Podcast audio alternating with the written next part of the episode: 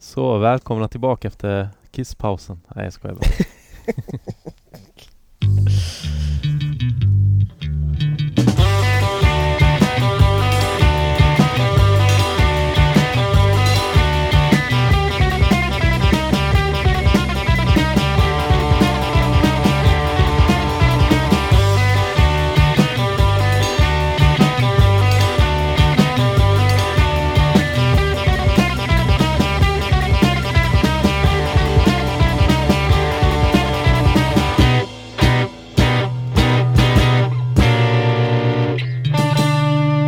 Hej och välkomna till Skateboardpodden. Det är Dennis Shopovic som sitter här med Mattias Devon. Yes, Hur mås det? det mås bra. Ja, Jag var på hiphopfest igår men jag är pigg. ja gatuslang, en av eh, förebilderna till den här podden Ja. även om det inte handlar om skateboard kanske. Nej men riktigt bra podd, gatuslang, rekommenderas. Ja, Om man gillar hiphop, annars så ja. är det kanske inte någonting. Men den är Men- bra, den är bra som fan. ja men eh, gillar man skateboard så, så har man hamnat rätt. Då har man hamnat helt rätt. Precis, men man kanske inte gillar skateboard jättemycket men man kanske tycker det är kul att höra om intressanta personligheter som är med här. Det finns en del intressanta personligheter i skateboardvärlden. Ja, och en av dem eh, ska vi ha med här idag. Och eh, dagens gäst är en person som betytt otroligt mycket för skateboarden i Sverige. Men eh, det är inte bara Sverige han har verkat, han har ju verkat internationellt också och eh, påverkat skateboarden en hel del där också. Eh, men då säger jag välkommen till Per Holknekt. Ja men Om jag- tack. Om jag uttalar det rätt där på efternamnet. Nej, Det gjorde jag säkert. Nej det är kom på helt det. okej. Ja. Eh, Min, min, min, dotter som är 23 har inte lärt sig uttala sitt eget efternamn. Ja, hur uttalas det då? Långt O. Hol, Holknekt. Holknekt. Ja. Är det samma med smeknamnet? Eh, Holis eller Hålis eller hur säger Ja, det man? blir väl Hole som det nu är det som är smeknamnet. Ja, Men jag, går, jag är ett kärt barn, jag går ju under många ja, namn. Men det kommer vara, ingen kan ju säga det där rätt. Man, Nej. man hör bara Holknekt. Ja, Ja. ja. så är det. Konstigt egentligen, det står Ja. ju H eller? Ja. Hol är ju liksom, det är ju, det är ju gammelord för gård. Mm. Ja, det ser man. Så det är där... Eller, eller liksom en liten kulle med en gård. Så. Ja, Från Dalarna eller generellt? Ja, det är nog mer mot Dalarna tror jag. Alltså Holknekt betyder nog, tror jag, eh, soldaten på det lilla, lilla berget. Mm. Eller huset vid det lilla berget. ja intressant. Eh, vi ska börja med första frågan. Hur ung är du? Ja, men jag... det där är ju... Eh, jag är 58 år. Mm. Då har vi klarat av den frågan. Ja, jag, jag har ju gått och inbillat mig att jag ser yngre ut men det gör Ja. jag ju inte. Gör väl inte alla det? Ja, men ungjävlarna reser sig ju för mig på bussen och sådär nu. Fy fan vilka svin. Vill farbror sitta. Ja. Ja. Var, var växte du upp? Du var lite inne på det. ja, men jag växte upp i Falun. Mm. Mina första 18 och ett halvt år. Ja. Och vad är den första barndomsminnen du har? Jag spelade flipper på badet hemma när jag var 8-9 år gammal. Det är mina första riktiga minnen. Mm. Ja, vi ska komma in lite på flipper Ja, senare tänkte På, jag. Men, eh, jo, det var... ja. Du var Eh, 8-9, Ja, ganska nästan. sent. Bara sena barndomsminnen. Ja, men jag har ju inte mycket minnen alls, Nej. så jag är glad att jag har något. Mm. Så att, nej, det var nog där. Ja. Och eh, var det mycket eh, ja, leta småpengar och... Ja, jag kommer in- också ihåg när min mormor skulle lära mig gångertabellen när jag var någonstans 4-5 år. Ja, Det minns jag också att hon försökte. ja, Leta småpengar? Ja, nej. Till flipper på den tiden, det var ju så gamla analoga maskiner så man kunde ju medelst en cykeleker och en mm. skruvmejsel få till det där ändå. Mm. ja, där ser man. Eh, men hade du några andra intressen förutom flipper? Hockey, fotboll? Uh, ja, men, eh, hitta på, att uppfinna, Mm. göra saker. Mm. och, så jag höll ju på väldigt mycket och försökte sälja grejer. Jag snickrade, jag hittade på någon fiskerulle i trä som jag skulle gå runt i gårdarna och sälja när jag var åtta år. Och, Mm. och sådär. Sen byggde jag minigolfbanor jag skulle gå runt och sälja också men det gick sådär. Mm. Kan man gå, gå runt och sälja minigolfbanor? Ja, det är tungt. Nej men man kan bära skiss. Ja, ja, ja. ja. Eller och bjuda hem till showroomet. Ah, såklart, såklart. Jag tänkte på det. Mm. Ja. Var det något du var bra på, minigolf eller? Ja, jag blev falumästare i minigolf och sen så, Ja. Apropå hitta på, jag uppfann, inte, jag uppfann till och med en minigolfboll som blev förbjuden. Mm, varför det? För att den var för bra. Jaha. Och då gick den in i hålet direkt eller? Nej men det var ju så här, en stor del av, av barngolf som det heter idag handlar om Mm. att bollen ska studsa så lite som möjligt. Mm. Och då hittade jag på en boll som var, ja men för att, du, får, du ska väl klippa det här sen men det tar en minut. Ja. Men jag sprang ner på Lek och Hobby i Falun så köpte jag något som heter Plastiform vilket var då uh, ugnsbakbar lera. Mm. Sen gjorde jag ungefär en boll utav det där och bakade i ugn och sen så köpte jag ett järnrör med 42 mm innerdiameter och sen så doppade jag min lerklump i Mm. förtunning i tinner så att jag luckrade upp ytan. Sen rullade jag den mot det här röret Mm. tills det blev en rund boll om 39 mm. Mm. Sen kapade jag den på mitten förstår du Mm. och sen så holkade jag ur mitten. Mm. Och här i mitten då så la jag en ståldank som var avsevärt mycket mindre än håligheten i Mm. mitten på bollen. Mm. Sen så limmade jag ihop bollen igen, borrade ett hål ovanifrån, fyllde bollens övriga hålrum med Mm. olja. Sen så täppte jag till hålet, rundade till den och gjorde den fin igen. Så nu hade jag två bollar som föll med olika hastighet mot varandra och tog ut varandra vid landning. Mm. Så den studsade noll och blev sen genomskådad och förbjuden. Ja, av förbundet eller? Apropå att sitta och hålla på och uppfinna när man var 12 år. Ja. Vilken jäkla grej. Ja. Ja. Vi har en eh, fråga eftersom det här är Skateboardpodden. Har du haft en eh, ninja-period i livet? Jag vet inte ens vad det är. Nej, det är lite upp till gästerna. Vad, man, vad tänker En du på? ninja-period? Nej, ja, nej, Inga sådär Bruce Lee och gå runt och kaststjärnor och sådär? nej, Nej. nej. Jag har nog mer utsatt mig själv för fara. Det är Ja. väl det jag har gjort. Ja. Ja, men då har vi... Det är en obligatorisk fråga Ja, för alla nej, ja, gästerna. nej, nej, inte alls. Jag tror du är den första gästen som inte har haft en ninjaperiod. Ja. Ja, men vad, nej. nej, men jag var ju så jävla klen. Jag, var, jag, var ju liksom, jag fick aldrig iklä mig rollen ens fiktivt som att jag var någon slags eh, Superman så. Jag har Mm. alltid varit späd och liten och Mm. rädd för att slåss. Ja, då har vi två. Ja. ja. Men då hoppar vi jag har slagits ändå, men det är något annat det. men då hoppar vi in på skateboard. Vad är det första minnet du har av skateboard? Alltså när såg du en skateboard första gången? Ja, det var på ett varuhus i Seattle. Ja. Jag var där på uppdrag av en kompis. Jag åkte dit på min första resa och en kille hemma i Falun bad mig köpa med en skateboard hem till honom i Amerika. Mm. Och eh, jag visste inte ens vad det var för någonting. Såklart, det är första mötet. Ja. Och då hittade jag då på ett varuhus någonting som heter en Woody Woodpecker. Aha. Som var en tjock träbit med krossat glas Ja. eh, Alltså som griptejp eller? som griptejp Ja. och eh, ganska så hårda plasthjul. Ja.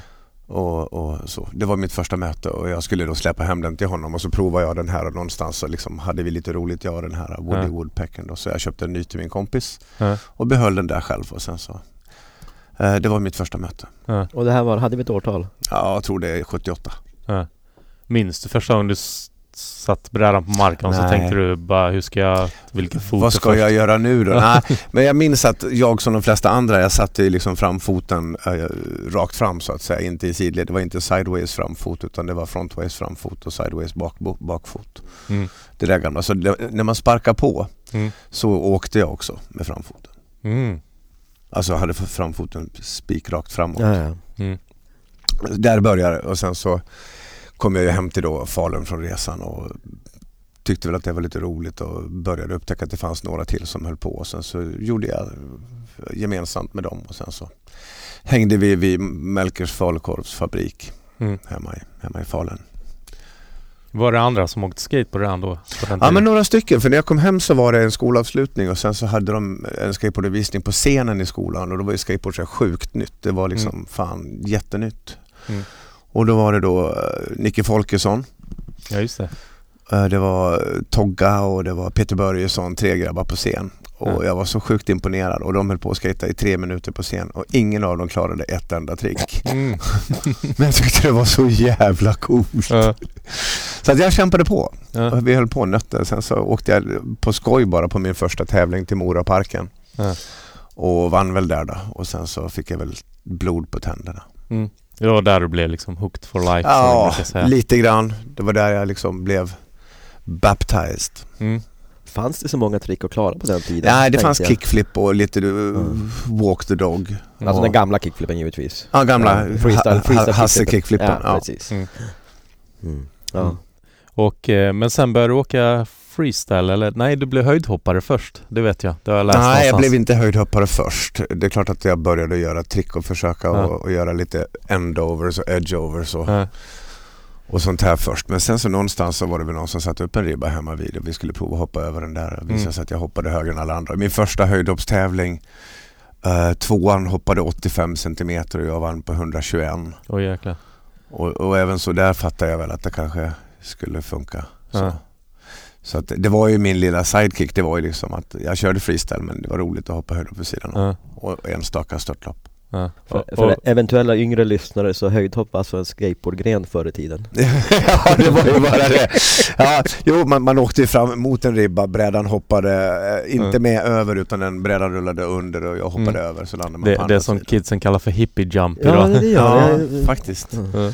Så att, ja, men det var ju svårt och speciellt när man skulle hoppa jävligt högt när man var uppe Mm. över- över 1,40 och sånt där. Man, man vill gärna hoppa framåt och brädan åker Mm. bakåt och sådär. Jag tror det länge stod i Guinness rekordbok att världsrekordet var av Ludek Vasa. Kan det stämma? Ja, just det. På 142 eller 144. Ja, men sen så var det en grönlänning också som heter John Pedersen tror jag. Mm. Som hade något sånt där. Han hade ju också slagit puttis tror jag i längdhopp en tid där. ja, just det. Så, och sen så var det en engelsman också. I, Ja. Jag tror att världsrekordet idag är över 1,50 i alla fall. Det vet Ja. jag. 1,56 eller något sånt där. Men Ludek Vasa har, jag tävlat mot. Ja. Ja, Var, var han tjeck eller polack? Eller? Ja, Eh, check. Ja, check va? Ja, eller slovak. eller- tjeckoslovak på Ja, den något- tiden något till och med. sånt. Ja. Det, De var stora på höjdhopp, Grönland och Tjeckien. Ja. ja. men enligt Puttis så var det han som slog den här islänningen. Ja, grönlänningen. Grönlänningen Ja, menar jag. ja, Puttis har väl fortfarande tror jag Guinness eller om någon annan har det, vad vet jag. Men Ja, jag har sett uh, Puttis eh, diplom hemma Mm. hos honom. från Guinness rekordbok. Yes, sir. ja. Men du har inga Guinness rekordbok-diplom själv eller? Nej, jag har andra diplom idag. Ja. Men det var ingenting som lockade för det var ju jättestort då, Guinness rekordbok Ja, på den tiden. nej. Jag tänkte inte så. Egentligen om jag ska vara jätteärlig, om vi nu ska sammanfatta hela vårt program så kan jag säga att skateboardingen attraherade inte mig primärt för att jag skulle vinna tävlingar. Ja. Utan det var ju liksom hela grejen att finnas i våran community så där som var orsaken till varför jag blev kvar. Ja. Ehm, men Det så, var ju så här, vi var ju väldigt många, framförallt på den här tiden nästan uteslutande killar. ja. Där vi liksom inte, de flesta av oss var ju bekymmersbarn. Mm. Det, var ju, det var ju bråkande ungdom i skolan som, Mm. Som hittade ett, en alternativ gemenskap. Vi fick ju inte vara med i de fina rummen. Mm. Så att vi hittade liksom en plats där vi fick lite grann här, ta hand om varandra. Ja. Och vi blev ju liksom samhället och staten åt oss själva för att Ja. det var ingen som ville veta av oss. Vi var ju bara i vägen och Ja. ställde till. Så att på den tiden det handlade ingenstans om vem som var bäst. Det handlade om vem som var bäst polare. Liksom. ja, precis. Ja men det var samma här i Halmstad också. Det var ju liksom vi som inte ville vara med i de coola gängen. Ja, du, du och Sten-Åke. Ja precis. Volden- Volden-klanen där. Bara, bara det namnet är så jävla coolt. Ja. Verkligen. Ja. Ehm, men då växte du upp och började skata i Falun. Ni hade en källare, K2, som ni började Ja, åka jag tidigt flyttade eller? hemifrån när jag var 17-18 år. 18 Mm. kanske. Och, och där någonstans så fanns det då någon slags gemensamhetslokal Mm. som jag upptäckte och där började jag liksom fick skata i fred. Mm. Jag, jag märkte ju jättetidigt att jag, blir, jag utvecklas mycket mer som skateboardåkare när ingen tittar på. Mm. För att när folk tittar på när jag skater så gör jag bara det jag redan kan. Ja. För att de ska tycka att jag är bra. Men när jag var ensam så liksom kunde jag peta i saker som ingen bedömde. Ja. Så. Så, som en, ho, ho, hur uttalar man det nu? Holy flip. Ja, till exempel. Eller Holikopter. Men sen har jag, Rodney Mullen hade ju också senare visat sig gjort samma sak. Stått i sin pappas garage och ingen tittar på liksom. Nej. Mm. Och det ser man, det gick ju bra. Ja, det gick ju det också. och han är ju dessutom liksom, han är bra på riktigt. Jag var ju liksom bra, Ja. bra på att låtsas. Ja. Hur kom det sig att det var just freestyle som blev din gren? Jag provade ju såklart de första kickturn-ramperna hemma och det hände någonting i mig som jag inte tyckte om. Jag tyckte inte om den här tyngdlöshetskänslan där uppe på väggen. Så Ja. Jag kunde vända ganska högt och jag kan väl skapligt fortfarande antar jag. Ja. Men Men det blev jobbigt för magen där uppe eller? ja, framförallt så kunde du köra freestyle överallt på den här tiden. Det, fa- det fanns ju inga ramper. Ja. Liksom, det fanns ju, idag, kidsen är så sjukt bortskämda med att Ja. få lära sig åka på vart överallt. Vi var ju helt överlyckliga om vi hittade en tegelsten och köra sönder liksom. Har, får jag inte släppa det där, har inte du vunnit över Rodney Mullen? Eller är det lätt Ja, över vi, vi har varit delad etta efter första åket en gång i Delmar. Vilket jag nog törs kalla min största merit. Sen satte han ner foten? Ja, sen satte han ner bägge. jo då, Per Welinder har slagit honom och jag har varit Ja, delad det. etta med Ja. honom. ja. I övrigt har han aldrig förlorat. Nej, Ja. det är en jävla bra merit det där alltså. Ja. Ja. Men eh, du sa att du inte gillar tävlingar men du var ändå med i Sverigecupen. Jag antar att det var ett skäl för att bara träffa andra. Ja, och sen, ja, verkligen. Det var ju liksom resan till och från tävlingarna som var roligast. Framförallt åka dit och vara så här tre, fyra killar på tåget. Det var ju det som var det roliga. Ja. Och sen så sova under någon ramp i skogen och sådär. Det var ju det som var riktigt, riktigt kul. Ja. Tävlingen blev ju mer en bisak. Om det så skulle regna in så var inte det någon stor grej liksom. Utan Ja. det var mer för att träffa allihopa från hela Sverige. Vi hade ju inga så här, vi kunde ju inte sitta och chatta i något forum liksom. Det Mm. fanns ju inte. Nej, ja, hur gjorde ni då? Nej, Jag men menar, vi- hur, hur ja, visste ni att det var tävling? Ja. Vi ringde varandra. Ja, men- Men hur, hur kom ni i kontakt första... Alltså Någon för... sa till mig att skejtarna i Stockholm, de bästa freestyleåkarna hänger på stadion. Mm. Och de skejtade då på plattformen vid stadion så jag åkte dit. Mm. Jag satte mig ensam på tåget och drack bärs och kom till stadion och Ja. där var Hasse och Velinder. Ja, så det var första gången du träffade båda Ja. där? Ja. Vad var intrycket? Om du minns? Nej men de var ju stockholmare, jag var från Dalarna, jag var ju livrädd. Ja. Stockholmare, man är ju varnad för stockholmare när man är från Dalarna. Ja. Liksom. Gå inte över Sergels torg för då får du liksom en spruta heroin i ryggen. Sen är det, knar- sen är det knarkare resten av livet. Liksom. Ja. Ja. Ja. men de sa ju så. Jag vet, jag vet. Det, det, det, sägs nog så fortfarande ute i Ja, jag stugorna tror jag. det. Ja, det tror jag. Det tror jag absolut. Nej, så jag kom att träffa Hasse och Per där och det visade sig vara två jäkligt, jäkligt bra killar som var Mm. av otroligt olika karaktär. Bägge från Näsby Park. Mm. Och då förstod jag liksom att min lilla Falu-roll hade också en plats i Stockholm. Mm. Och där började vi bygga ut. Mm. Så jag och Per och Hasse började liksom bygga läger med fler killar i skateboardindustrin och sen slog vi camp med en fjärde kille som heter Stefan Spång till slut. ja, just det. Och jag och Hasse och Stefan och Perre vi gjorde ju då vår första resa någonsin till USA. Ja. Var, var det den du köpte biljett åt alla utan att fråga riktigt? Ja, precis. Men jag, jag, jag har ju lite bråttom ibland. Ja. Jo, och det var ju det och då skulle vi bara vara där en kort tid. Mm. Men det slutade ju med att vi blev ju där jättemycket längre än så. Mm. Så att vi, vi någon hade tipsat Steve Rocco om att det var några svenska killar i Del Mar som var jävligt bra. Mm. Och han åkte dit för att kolla på oss. Ja. Och sen visade det sig, för vi hade ju så här, och det här tycker jag är jäkligt intressant och det här vill jag att kidsen ska veta idag som växer upp om det så är skatare eller kids som brottas med matematiken liksom att Mm. vi hade ju då skapat oss en bild av hur sjukt bra alla i USA var. Mm. Och vi hade ju flyttat upp, alltså de var så långt upp i himlen, de var så onåbara. Mm. Och det var ju då Steve Rock och det var Tim Scroggs och det var all, vilka det så nu var. Mm. Och vi tränade ju varje dag för att bli lika bra som dem, men vi visste inte hur bra de var. Mm. För att det fanns ju inga VHSer, det fanns ju inget Youtube, det fanns Mm. bara bilder och text. Mm. Och, Och- på sin höjd en sekvens som man kanske kunde Ja, en tyda. fotosekvens med, med en, eh, någon Nikon F9 som drog sju bilder i sekunden. Ja. Men där man inte fick se sista bilden när de ramlade. Ja. och, och, och det som var så förvånande för, för oss, det var att Mm. när vi väl såg dem i verkligheten så visade det sig att vi var ju lika bra. Om inte bättre. Om inte bättre än dem. Mm. Och, och, och det som är intressant i det här fallet, för jag pratar väldigt mycket med människor om det här med jämförelse. Mm. Att ju mer vi jämför oss med andra, ju mindre blir vi. Mm. Eh, om vi hade vetat om hur verkligheten såg ut med våra superstars Mm. så hade vi inte blivit hälften så bra som vi, som vi blev. Ja. Och det här tycker jag är en jävligt bra peppfaktor. Ja. Så att eh, istället för att vi stod och liksom snorstirra på Steve Rocco så började han kolla på oss. Och det slutade med att han frågade om vi ville komma hem till honom och bo hos honom. Ja. Och sen så då till helgen så var det väl liksom dags för oss att åka hem tror jag det var på fredagen. Ja. Och han sa till oss, men det kan ju inte, det är liksom inofficiella VM nere i Oasis. Mm. Och han sa ju till oss att ni måste ju med. Vi var så, nej men för fan våra pengar är slut, det går inte att ändra biljetten liksom. Vi Mm. måste hem, men det är klart vi hänger med till San Diego sa vi. Ja. Och sen så blev vi kvar då i massa år istället för då de 10-14 dagar vi skulle vara där. Ni sket i att åka hem alltså? Ja. Ja. Så vi stannade kvar, pengarna var slut, biljetten gick inte att ändra. Men... Och jag gillar sådana här Ja. oförståndiga beslut. Ja.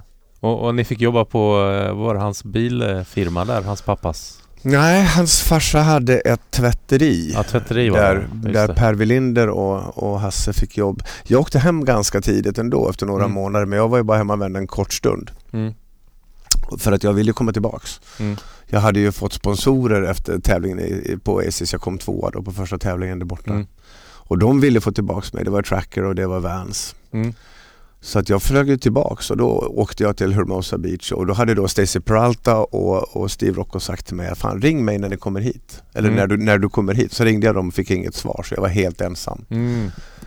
Och då hade jag då hört talas om att Steve Rocco nu bodde i Hermosa Beach. Ja, så jag var dit jag flög. Jag åkte dit och sov första natten på piren med massa mexikaner som vek någon slags pappershatt och åt mig Ja. av LA Times. Ja. Och så började jag då skejta vid pirens fester dagen efter. Mm. För att jag visste att jag ändå kunde liksom entertaina lite grann och få ha lite roligt. Mm. Och då kommer redan dag ett en, en äldre herre fram till mig som, som, Mm. eh, som också skejtar. Han är så här, äldre herre säger jag nu, han är 40 år ungefär. Mm. Och, och han lägger sina armar om mig och tar hand om mig och jag Mm. får bo hemma hos honom omedelbart. Mm. Han fixar ett jobb på mig på, till, till mig på den lokala parkeringen och två dagar senare är jag ihop med hans dotter. Mm. Och det är ju då framlidne Bob Staton Ja, precis. Ja.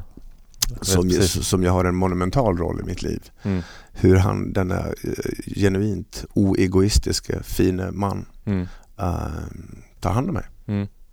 Jag fick ju också träffa honom Ja. år 2000 och Ja. då hände samma sak. Eh, han tog ju hand om mig så Ja. ja. Vore du hans son ungefär? ja, precis. Men jag tror jag skrev en artikel där jag skrev att det här var en farfar jag önskar jag hade. Ja, Nu är jag Ja. lite yngre så att jag antar att han var mer som en pappafigur. ja men fantastiskt fin man. Dessvärre så gjorde jag honom besviken några gånger då Ja. i det att jag gjorde mina snedsteg när jag väl ja. hamnade i den amerikanska smeten. Jag, började ju, jag provade ju droger förr eller senare till sist. Ja. Och det spårade ju lite snett och där så Ja. känner jag väl så här idag då med facit i hand att jag kanske eh, borde ha lyssnat mer till honom. Ja. Men eh, nej, jag vet att jag var där 2003, sommaren, och då eh, nämnde jag någonting om att jag hade träffat dig precis. Ja. bara, ja, men, eh, eller vi höll på att mejla, just det, så var det. Mm. Och då sa han, men hälsa från mig. Så att han mindes det ändå med, Ja, bra. ja det, jag börjar bli gammal och förståndig och jag har väl orsak att backa hem och be om ursäkt till ganska mycket folk men det har vi väl alla till mans Mm, kanske. Ja. Men jag har inte jag har, ja, det är ju så här också, nu ska jag inte bli för jävla djup här men liksom, jag har ju haft så här äh, självförtroende issues hela mitt liv och det här har ju dessvärre fått gå ut över andra människor då. Ja. Det blir ju så. Ja. Och, men, men skateboarden måste ha ändå gett dig så otroligt mycket på den tiden. Om jag jämför med mig själv att man hade ändå, vad ska man säga, man visste var man var någonstans. Man, man hade sin bräda, man hade sin klädstil och det var ju mycket som kom gratis antar jag. Ja, och jag bodde ju i Falun vilket jag gissar är ganska nära Halmstad Mm. i storlek eller som Ja, mentalitet. ja, inte och det är väldigt lätt att få liksom andra människor att få en bestämd uppfattning om dig och den Mm. uppfattningen som jag uppfattade det som att andra hade om mig stämde inte med min uppfattning om mig. Mm. Och, och då gav skateboarden mig en chans att lite grann reboota mig själv och presentera Mm. mig själv på en helt ny arena och därför blev USA som medicin för mig för jag fick börja om lite grann.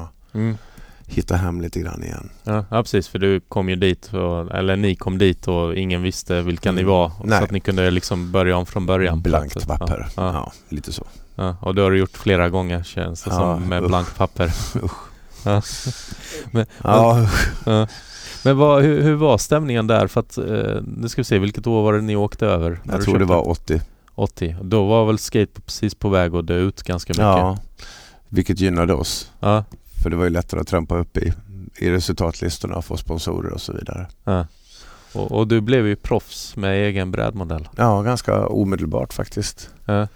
Det, och det var ingenting jag bad om heller utan det var ju, liksom, det var ju Larry Bama då på Tracker Ja. som kom till mig och sa vet du vad Per, vi vill ha dig i våra proffsstall eller kalla det vad du vill. Ja. Det måste ju ha varit surrealistiskt eller? Ja men alltså det var så stort för lilla mig som hade liksom bekymmer med akne och Mm. hårpolisonger liksom. Det var... Mm. Och på den tiden fanns det ju inte en miljon brädmodeller ute heller som det finns nu. Nej, nej, Så det måste nej. liksom ha... Inom freestylen det fanns här fyra. Det var liksom, det var så det var, ja, det var fantastiskt. Men sen var det, jag tror också att de såg mig som eh, en integrerad del i deras verksamhet för jag la mig alltid i deras business. Mm. Jag ville ju alltid komma och ge dem goda råd och en dag så sa jag till dem att det är dags att liksom börja kommunicera Mm. ett, en ny tonalitet i mediavärlden. Jag sa Mm. till dem att uh, Thrashers uh, Skate and Destroy är ju ascoolt men det är så jävla kontraproduktivt. Mm. Är det inte läge att liksom presentera någonting som är mer konstruktivt som får föräldrar att skjutsa barn till rampen och, och lärare att tycka att det är lite okej och samhället och polis och försäkringsbolag Mm. och så vidare. Så var, var efter då Skate and Create föddes och sedermera Mm. också då uh, Transworld Skateboarding. Ja precis, för det var ju Skate and Create var trackers och... Ja, det var liksom antitesen då Ja, som skulle då möta precis. den här Skate and Destroy. Ja. Och än idag så förstår jag liksom uh, Skate and Destroy. Jag, jag, jag, känner, jag är mer det än Skate and Create Ja. i, i min ryggrad sådär. Men jag förstår också hur det också var kontraproduktivt för skateboardindustrins tillväxt. Mm. Och när vi pratar om transfer, det, jag har ett kuvert här som du kan öppna nu. Åh nej. är det bild på mig och min bil? nej, nej, nej. Det, det är ju ganska roligt att ha i en podcast att du får öppna och se någonting visuellt. Ah, ja, den, här, den här finns ju inte överallt. nej. Nej, det fann, vi kollade på Pressbyrån men den fanns inte. Den måste, den måste vara slut. Ja, det här är då, jag håller i min hand, CP Skateboard News som, som ju var min första tidning när jag förstod att uh, ja, men den här kom ju till av den enkla orsaken att jag började göra egna skateboards. Mm. Och, och sen när jag hade en produktion som var större än efterfrågan så var jag tvungen att marknadsföra mig själv. Mm. Och jag hade inte råd att annonsera så jag tänkte men vad fan då gör jag väl en tidning då. Ja. Och den här är ju till stora delen handgnuggad. Ja. Bokstäverna har jag sett att det är i förtvivlan och gnuggat för hand. Ja. Och jag förstår idag, för att de som har fått den här i sin hand en gång i tiden, de har den kvar. Och jag tycker det är rätt coolt. Det lär mig väldigt mycket om media och hur man ska kommunicera idag också. Att liksom, Ja. om du involverar lite, lite mer hand och hjärta i en produkt Ja. så är den liksom eh, högstas värde. Det här, jag har inte sett den här hel Ja. på jättelänge så det här är lite fint för mig. Det är faktiskt jättefint dessutom. Ja. ja, men jag tror jag sa till dig att jag hade den och Ja. du skulle få en kopia men nu, nu har du den. Ja, det här är jättekul. Ja. Ja. det, var, det, var, det var jobb att göra den här alltså. Fan Mm. vad jag höll på Men alltså med gnugg, gnugg, gnugg, gnugga bokstäverna, vad... Mm, Alla de här, det är gnuggisar. Mm. Det är gnuggisar. Stort ark med gnuggisar som Ja. du la på och gnugga med en pennstump så här. Vi, vi Ja, kan, kan förklara för lyssnarna, dels kan man kolla på Instagram, vi kommer lägga upp bilder Men nu Ja. när man lyssnar, det är alltså ett fansign som är, var det kopierat bara i en vanlig kopieringsapparat? Ja, häftat i rygg. ja. Och det är ungefär A, A, A4 som är häftat så att det blir A5 Ja, det är C- eh, A5, ja. Ja. Precis. Alltså du har ju en väldigt manisk ådra i dig, men jag jag tänker på golfbollen och på gnugg, Ja. så det, alltså det, det, det, det, är- det, är- det är maniskt. Ja men jag går the extra mile liksom. Jag, jag går alltid över ån efter vatten men det brukar liksom finnas mer vatten på andra sidan ån. Jag vet inte om det, Och- om det Och jag tror det står i den tidningen att det var höjdhopp du började med först Det var därför jag var Aha, lite säker ja, på min mycket, sak Det är mycket möjligt. Man kan inte börja med höjdhopp, man börjar förstås med att åka på Ja, en bräda. Men, men det, det var den första tävlingen jag ställde Mm. upp i, var höjdhopp. mm. Men jag tror det är någon intervju där Antagligen intervjuade du dig själv Ja, jag, jag, jag, jag fick det intrycket att Per intervjuar Per. Hela tidningen handlar om mig. Såklart! Det står i början där också, vilka som är medar, medarbetarna i tidningen. Är det jag allihop? Ja, ja, det är en sån jävla pinsam egotripp. Men jag tar det. Jag Ja. tar det. Jag, Ja. jag, det är så här också. Idag vid jättehög ålder så fattar man ju liksom varför det blev som det blev. mm. När man börjar spåra livet baklänges. Hur hamnade jag i att göra en tidning som blev Pressbyråns nummer två Mm. på två nummer bara? Hur, hur hamnade jag att vara med och bli involverad i Transworld? Mm. Det börjar ju här. Det börjar ju med CP Skate News liksom. och det var 1981 tror jag. Ja, det är november 81. Och, liksom, det, Mm. och det här jag brukar liksom, jag älskar att säga, du som lärare Mattias, att liksom prata med ungdomarna. Det, sakerna ni gör idag som unga, det behöver inte vara så jävla klokt och förståndigt eller stort och mäktigt och strategiskt. Mm. Men gör något. Ja. Mm. För att om ni, ju mer ni gör nu, ju mer kommer du att stå när du är skrynklig som Per vid 58 och fatta att det var därför det blev som det blev. Och jag älskar det här. Så Mm. när jag, jag, det här är ju liksom rysningsmaterial för mig. Mm. vad, vad- vad var det för tidning i Pressbyrån? Det, ringer en klocka. Äh, Miss World heter den. ja just ja, just ja, Ja. just ja. Det var jag Just och... ja. Ja. Kommer jag ihåg. Men nu, nu hoppar vi i tidslinjen Ja, ja, ja, ja, Ja. förlåt. förlåt. Nej, men, ja, men det, här är, det, här är, det här är en stor del i hela min Ja. ja. entreprenörsresa. Jag, jag misstänkte det, för när Ja. man tittar i den och sånt så eh, ser man ju mycket app som man sett av dig fram, ja, liksom där. Farfars gamla skrivmaskin där S var av. Ja. Och vi, vi kanske ska förklara är, det är inga S där i den? Ja, jag, jag, jag fick ju reparera den till slut. Vi, upp, vi, vi hittade på ordet rullbräda för det hade inget S. Eh, Jaha. Nej, det, jag det, det, det, eller hur? Det hade kunnat CP Skateboards. kanske kan förklara också varför det hette CP så att inte... Ja, CP, alltså det, det är också så här som jag skäms lite grann för i efterhand. Det var Mm. väl lite roligt då, för det här var på tiden när man drog en massa ganska obskyra och vulgära och ganska illasmakande skämt. Mm. Man skojar ju med judar och man skojar ju med färgade i alla former Mm. och alla skrattade i grupp.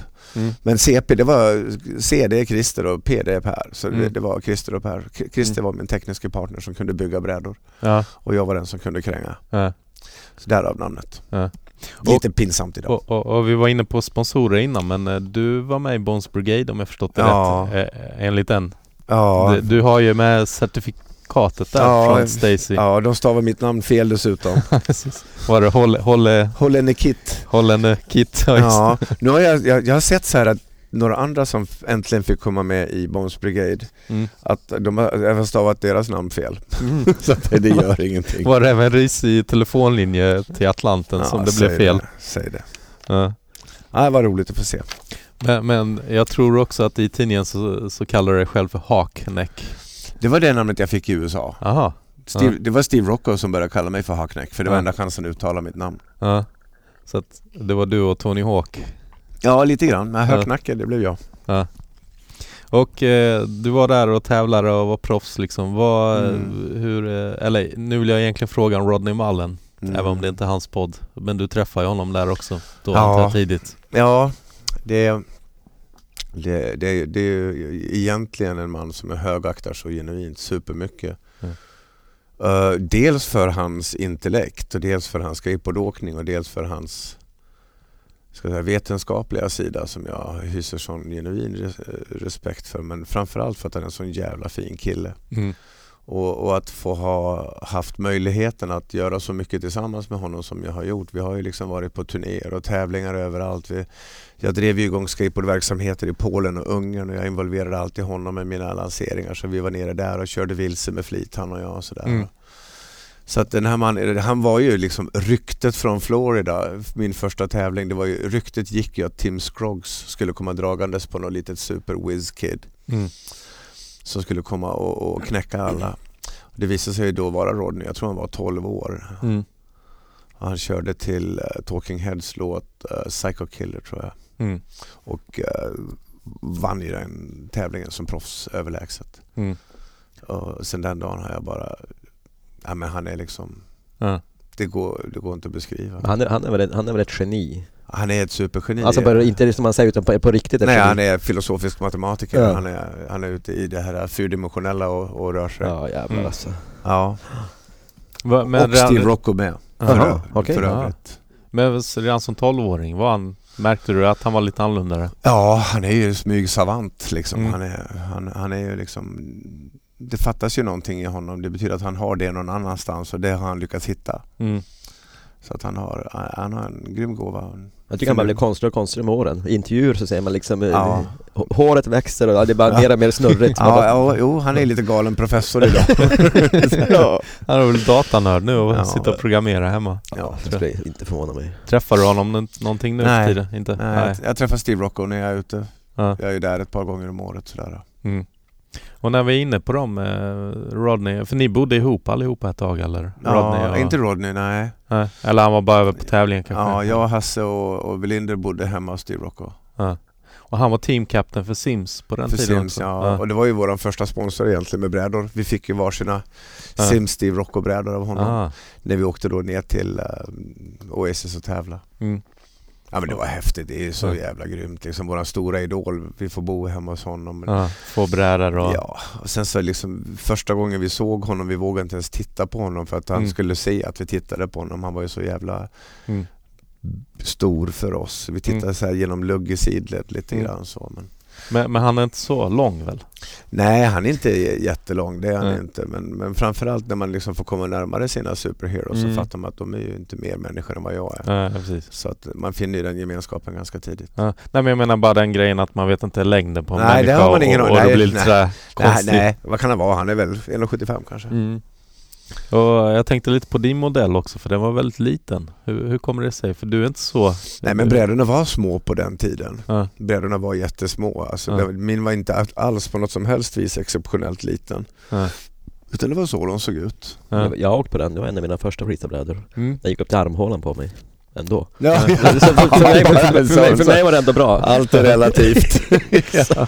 Ja, jag tror jag fick tag i den efter att jag hade haft min Pavel Linder och då Mm. tyckte jag den var för liten. Jag tror den såldes ut på rea från Street Style. Säkerligen, ja. Ja. Men nu gör de den ju igen. Ja just det. Så, Eh, 73 år senare. Ja. hur, hur har det gått där? Du, du är alltså proffs än idag kan man ju säga. Ja, nu har ju någon sagt då att när man väl är proffs kan du inte sluta vara Ja, proffs just och bli amatör igen. Så Ja. det är du ju for life. Så. Men, men du har en bräda ute jag fortfarande? har en brädmodell, signaturmodell med min namnteckning på Ja. som relanserades nu då för en Ja. månad sedan. Utan att du visste om det? Utan att jag visste om det. Och först blev jag sur och sen så blev jag lite smickrad och sen Ja. så släppte jag det. Ja. ja. Men det är exakt samma modell, Ja. storlek och allting. Mm. ja, det kan inte jag bedöma. Nej. Nej. Men, på, men okulärt, Mm. för ögat Mm. så är det Ja. samma. Men du ska väl få en nu eller? Men jag- vet du vad? Det är inte viktigt. Nej? Det är inte viktigt. Ska jag ha Ja. en så ska det vara ett original liksom. Ja. Så ja, men det är väl kul att de, att de vill göra det. Ja. Men liksom, hade de bett mig om lov Ja. så hade jag ju sagt absolut. Ja. Så det var ju onödigt att göra det bakom min rygg. ja precis. Och, och det var Tracker som gjorde den. Ja, Till ja, Decomposed. ja. Som Brad heter. Dorfman som väl äger Tracker nu va? Mm. Tror jag. Gamla. Eller? Jo, Ja. jag tror Brad Dorfman äger Tracker Titta inte på mig. Ja. Nej, ja. Vad fan vet jag? Jag är lärare. Ja, precis. jo men just det, det pratar vi om. Ja, det stämmer. Vi pratar alltså nu om den klassiska Flipside-modellen med, med en LP-skiva under. Ja, Just precis. Vad, vad var det för LP på den? Nej det vet jag inte. Mm. Jag vet bara att vi eh, kom på grafiken när vi var på en skivbutik som heter Z Records i Mm. Encinitas. Mm. Som var, det fanns ju en eh, skivaffär uppe i Long Beach och en i Encinitas. Så det var de enda två butikerna i hela västra Kalifornien som alltid hade all senaste punken på Mm. vinyl. Så vi hängde alltid där och en gång så Mm. var jag då på Z Records i Encinitas och så kom då eh, J. Grant Britten in. Mm. Fotografen för Transworld. Ja precis, Mm. så vi började prata grafik till min bräda och så vidare. Och sen sa han, men vad fan vi står i en skivaffär, vi gör något Mm. med skivor. Sen så det- kom den där sen. Mm. Var det där en, eh, du fotade en annons också i en skiva? Klassisk annons, absolut. Som vi får lägga upp på vår Instagram Ja, också. Per Holknekt has exquisite taste in his music, his ladies, his cars and Ja. of course his skateboard Ja, just equipment. ja. Och på senare år när de poppat upp på Facebook så har det väl anmärkts mest på shortsen. De ja men fan pungen hänger ju ut för fan. ja, är roligt. Eh, Tra- Transworld. Du, berätta lite, hur startade den tidningen Ja, det var du var ju- med.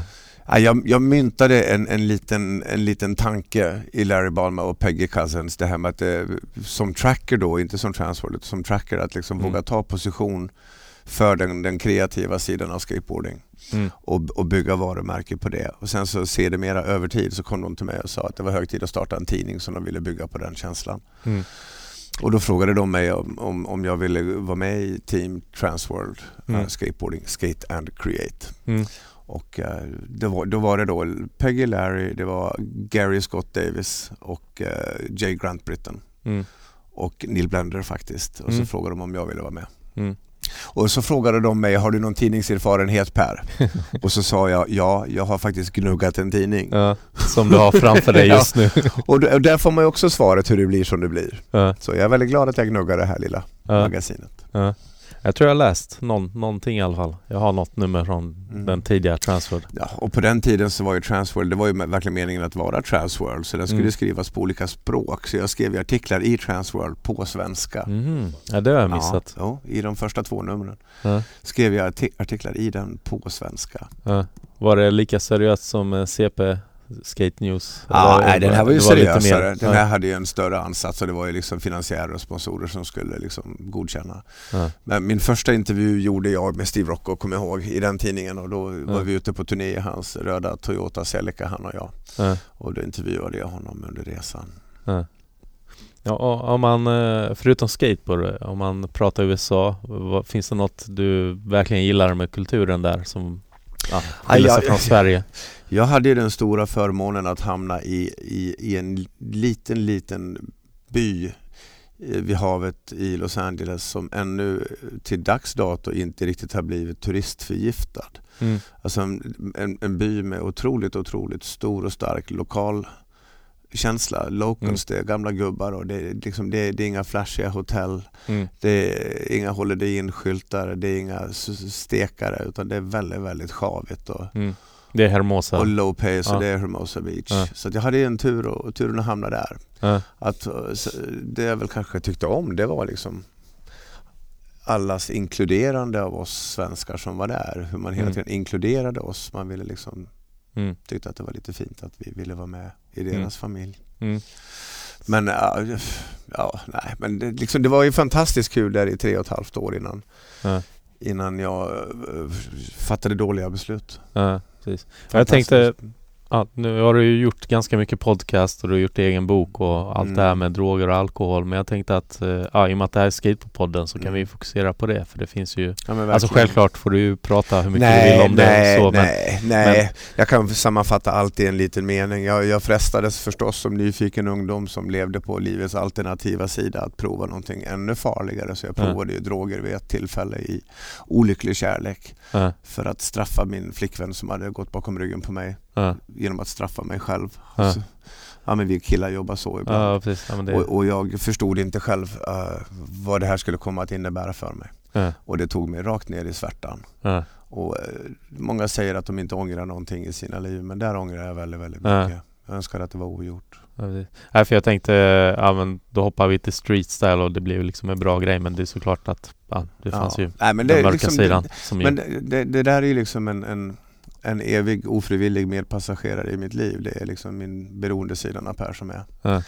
Som är liksom alltid en svart korv på min ena skuldra. ja, Som är dessvärre också jävligt högljudd. ja.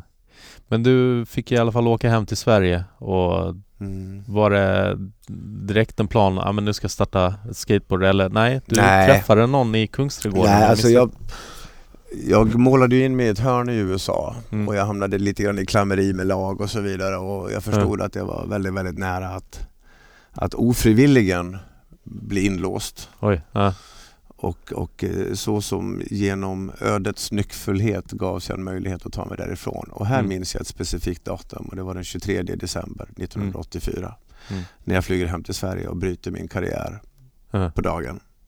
Och då under tiden jag reser hem så förstår min då kära mamma ja, hemma i Sverige att min skateboardkarriär sannolikt är över. ja, Och när jag kommer hem så berättar hon att hon har anmält mig till en utbildning mm, för att jag ska lära mig att kapitalisera på min drivkraft och kreativitet. mm, Så att eh, hon sätter mig i skolan i två år. mm, Mycket förståndig dam. ja.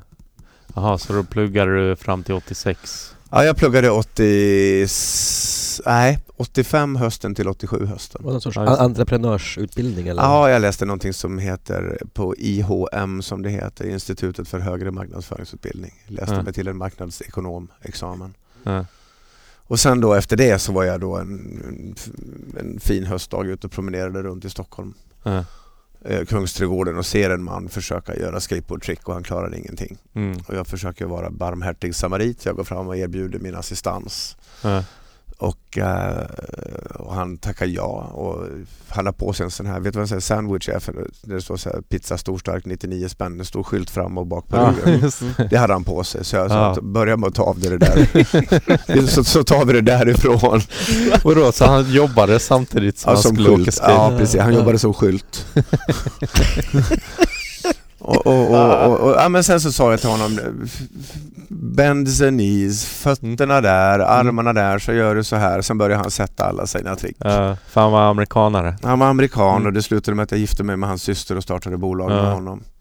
Så att han, han bjöd ut mig på en kopp kaffe efter det här och efter tre minuter så sa han till mig, vet du vad, skateboarding har varit dött nu i Sverige i sex års tid. Ja. Han sa, jag har tänkt starta ett skateboardföretag för att trender kommer och går vart sjunde år. Mm, Så att om jag startar firman nu, sa han till mig, mm, så är etta på bollen när det smäller igen. mm, Och så frågade han mig helt plötsligt, eller förresten, vill du också vara med? mm, Och eh, jag är så jävla glad att jag tackade ja. mm, Men först frågade jag honom, vad heter du? Mm, Vi kände inte varandra bättre än så. mm, mm, Sen startade vi den här firman och drog in då två herrar till, vilket var mm, en kille som heter äh, Jörgen och så Mm. min, min egen bror. mm, Och vi fyra startade här. Jag gissar att den, eh, han- det är Beckett Column vi pratar Ja, om. precis. mm, Så det var han som var mannen med skylten. mm. Jobbade som skylt. Han jobbade som skylt för Hard Rock Café.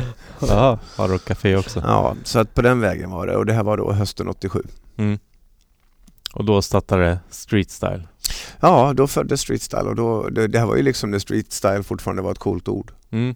Jag var, för, för det om det det. var någon som sa häromdagen så här, ett, termen som hette innan Burning Man blev töntigt. Ja, förlåt. Ja.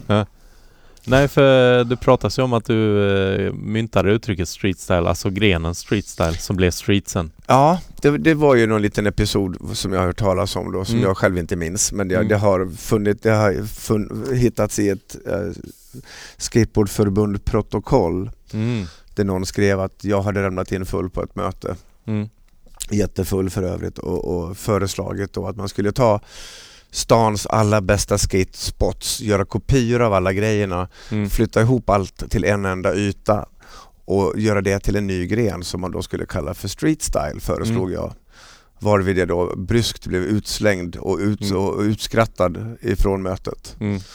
Men vad jag förstår så här i retrospekt så var jag kanske den, där då så föddes Mm. termen i alla fall. Ja. På samma vis som jag enligt eh, Steve Caballero då gjorde den första ja, just det. Konkaven. konkava streetbrädan. Ja. Hur, hur gjorde du den första? Nu är det väldigt mycket att prata om här men... eh, Ja, jag vill dra åt alla håll det är okej, det behöver Ja. inte vara kronologi. Nej. Nej men det var samma sak, jag hade gjort min mic, äh, jag gjorde den nosepicker först som var Mm. ganska flat med lite nos och aningen tail. Mm. Sen så provade jag att göra en konkavbräda någon, någon, som jag sen döpte till Micro Concave så skickade den till Steve Caballero. Mm. Alltså du gjorde en bräda som han kunde åka i värten då? Nej, han hade den som streetbräda. Ja, Och streetbräda. rätt vad det var, jag, kan, jag har en bild på honom, så såg jag en bild i Thrasher Magazine när han gör en corner area, en pool på min bräda som jag har gjort. Mm. Och det var ju liksom så här stort ögonblick för en Mm. liten bräd påhittare från Sverige. Och sen eh, var det Stacey Peralta som sårade med konkav eller George Powell? Eller vad hände? Ja, Ja, du kanske inte. inte vet riktigt vad som hände jag, där. jag vet inte vad som hände sen men det... Nej. Men jag vet att Steve Caballero skrev det på, om det var Instagram eller någonting. Att han eh, sa att ja, men du, du uppfann konkaven för han fick en bräda av dig. Ja, så var det. Ja. Konstigt.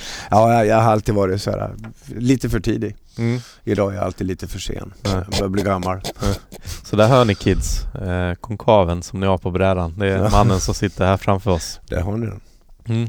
Nej, jag hade hört talas om konkaven tidigare. Mm. Men då bara i värt, värtbrädor. Ja, Så att jag drog ner den på streetformatet. ah, då, då förstår jag. Och sen kom eh, ja, allting annat. Hell Concave med Ja. A Street och, Ja. Ehm, ja, sen vi var inne där på starta street style. Mm. Du måste ju ha hjälpt mycket med kontakterna du hade hemma Ja. eller i USA med Ja, vi, eh, vi skulle egentligen bara öppna en butik. Det var vår Mm. idé. Öppna en butik nere på Olofsgatan 12. Den som då hette Street Style på den tiden innan Mm. den blev System 1. Mm. Alltså, men vi hade bara haft öppet i tre dagar och så hade vi så här 100 meter kö varje dag. För det var ju, liksom, det var ju nytt igen. Mm. Och en dag så stod där i kön en handlare från pubvaruhuset som sa Jag ser era köer, får jag köpa brädor av er och sälja på pub? Mm. Och där föddes så som av en slump eh, vår distributionsverksamhet när vi började sälja till andra butiker. För sen så började han sälja och sälja bra. Sen ringde han till sina polare i andra städer och sa ni Mm. borde köpa in det här av dem. Mm. Så den, den affärsmodellen liksom var inte vår avsikt men så blev det. Så, Ja. Sen började vi då resa till USA för att liksom hitta leverantörer och så vidare. Och, Ja. det var ju då lättare i det att jag hade varit där tidigare och inte bara kom in som novis affärsman.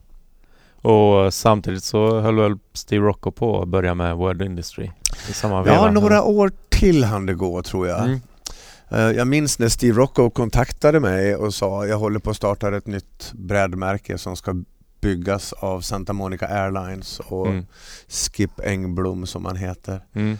Och eh, Steve sa, eh, han frågade om han fick låna 40 000 dollar till att starta det här företaget. Mm. Och just då så hade vårt företag gått så pass bra att vi lånade honom de pengarna. Mm. Så vi faktiskt lånade igång hela hans bolag. Mm. Så. Och för det så lovade han då livstids distributionsrättigheter för Sverige. Mm. Vilket han sen tog tillbaks. Oj. ja men det är Steve Rocco, han är Ja. sån. Och ni fick aldrig tillbaka de 40 000? Jodå, jodå. Ja, ni fick De är- det. Ja, det. Ja. Lite heder har han. Men men var, var inte det ganska spännande? För det var ju lite, alltså jag ser ju samma sak som hände med Street Style hände ju med Word Industry att det var parallellt nästan. Med marknadsföringen, med attityden och allting. Ja det här självdistansen och Mm. det här lite driva med sig själv. Mm. Om jag driver med mig själv så törs jag driva med andra. Det var ju, hela, det var ju hans, hela hans ansats i hans kommunikation. Jag driver med mig själv så jag kan driva med andra. Mm. För då kommer jag undan med det. Mm. Så det är inte det som liksom som en stand-up komik- komiker som bara står och säger att Babben är tjock. Det är inte roligt längre liksom. Utan, utan liksom om man säger jag är tjock, Ja, då är det roligt. Ja. Och då törs han säga det. Liksom. ja. Men Steve Rocco, han är ett veritabelt geni. Det är ingen slump att man gjorde en film om, om honom till slut. Mm, ja just det, du var med i den dokumentären Ja, också. en, en liten intervju flög in ett team från, från Australien och gjorde. Ja. Nej men streetstyle-tiden, alltså det, det, den är ju fantastisk tills dess Mm. att jag igen då hamnar i, i eh, Mm, bryderier med mina egna issues. Jag Mm.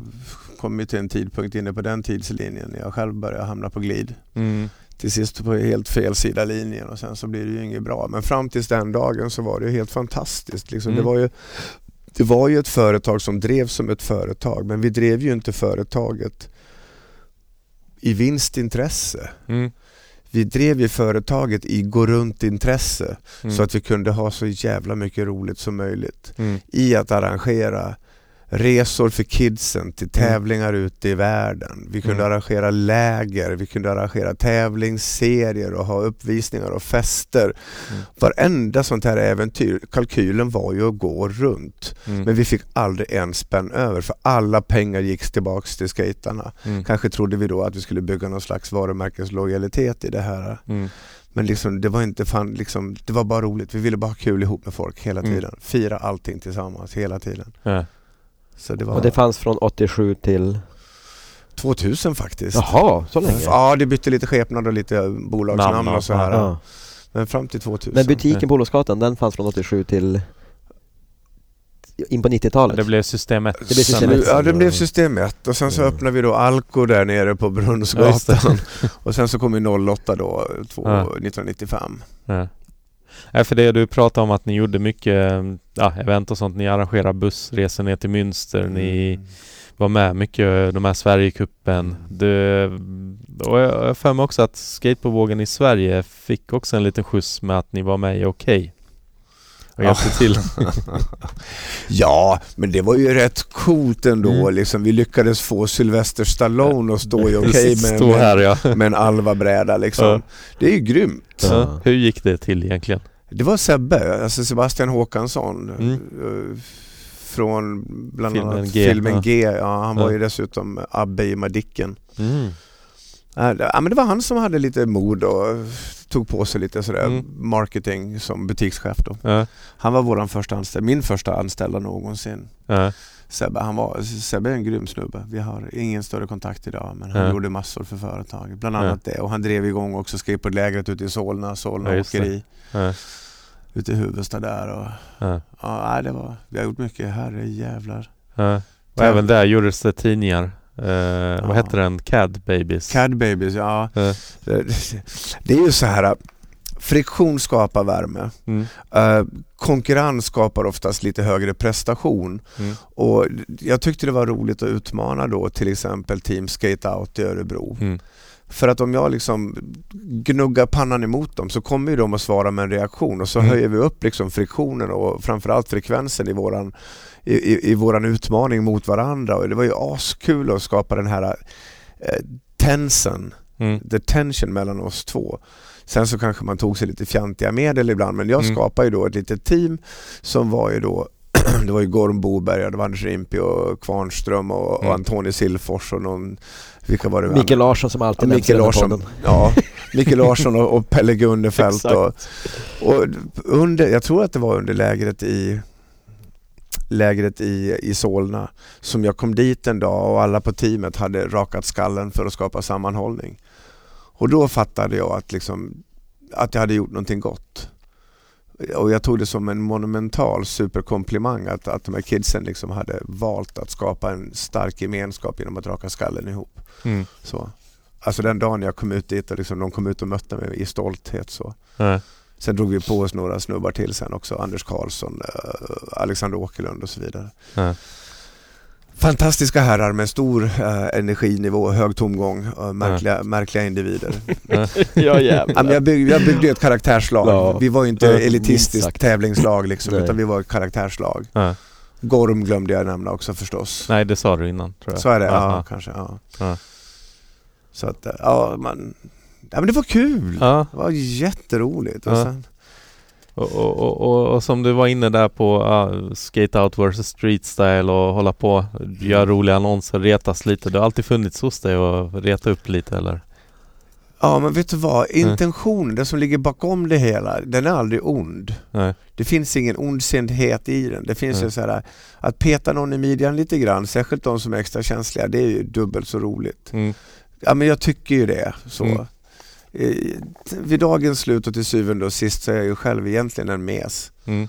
Alltså på riktigt. Mm. Men liksom jag, jag, jag utmanar min, min egen rädsla Mm. genom att våga utmana de som jag kanske ser som starkare än jag själv. Mm. Så. Så att det var roligt med, med pro-stuff och one-off och Mm. skate-out och det här. Och det är väl roligare att komma till en tävling om det är lite så här krig mellan Mm. lägren. Ja, precis. Trasher versus, eh, eller vad det? Daggers versus eh, The Ja, men- Valley, ja, eller men vad heter. Locals. Ramp Men det, locals. det, det var ju bara när det var tävlingsdags liksom. När tävlingen var över, då hängde vi ju. Mm. Och då var det ju, inget, då var det ju inte något sånt alls. Men just på, på, Nej. på tävlings, eller på banan då så var det ju roligare att liksom hypa upp det här lite grann. Jag tror många som lyssnar på podden undrar till exempel fanns det den här historien om eh, tävlingen i Fryshuset 94 när du gjorde ett helt sign som skulle vara anti-BAM-teamet. Jag vet inte om du minns det här? Nej, minns jag Över inte. över en natt väl? ja, över en natt. Det var nej. någonting med att eh, domarna var väl för mycket åt BAM och... Nej men ja. BAM, ja fan. Mm.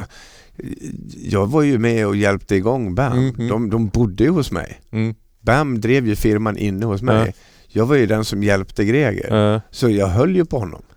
nej men det jag menar är att de som lyssnar kanske tror att det var värsta kriget och det var jobbigt men Nej. sj- själv i efterhand så tycker jag att det är tråkigt nu när det inte finns några beef även om de kanske Ja men är med på skoj.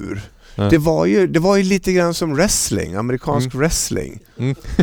Ja men faktiskt, det var ju bara läskiga masker och, och, och lite bluffbrottning så.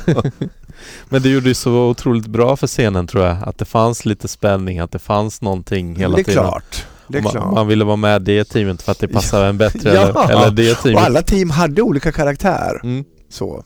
Mm. Nej, jag tyckte det var roligt. ja, Sen, ja, jag tycker ja. Jag hade skateouts affisch på väggen hemma. Ja. Och de hade ju verkligen sin prägel också Mm. med, var vi, jag tycker Klas syns väldigt bra i hela så här, varumärkesidén i Mm, skate-out-teamet. Och, mm. Streetstyle hjälpte mig, på tal om att du hade din eh, skate-out affisch på väggen. Nu avbröt jag dig, förlåt Per. nej, det är... Fortsätt. Eh, Streetstyle, eh, när jag flyttade hemifrån så hade jag faktiskt streetstyle-tejp som gardinstång. Jag tejpade upp gardinerna med streetstyle-tejp. så det, hjäl- det har hjälpt på många plan. Mm. ja, den där tejpen gjorde vi för att de skulle tejpa stan. Ah, okej. Så vi gjorde ju tejprullar och sålde i butiken. Vi sålde ju säkerligen 300-400 tejprullar om dagen. Mm. Alltså men den tejpen sågs ju Ja, den var överallt. Den var Mm. överallt. Skolor, skolor. ja, ja, jag tror nog alla hade nog en liten, liten tejprulle hemma nästan. Ja. Jag hade kvar min, det var, det var inte så länge sedan den tog, den tog slut.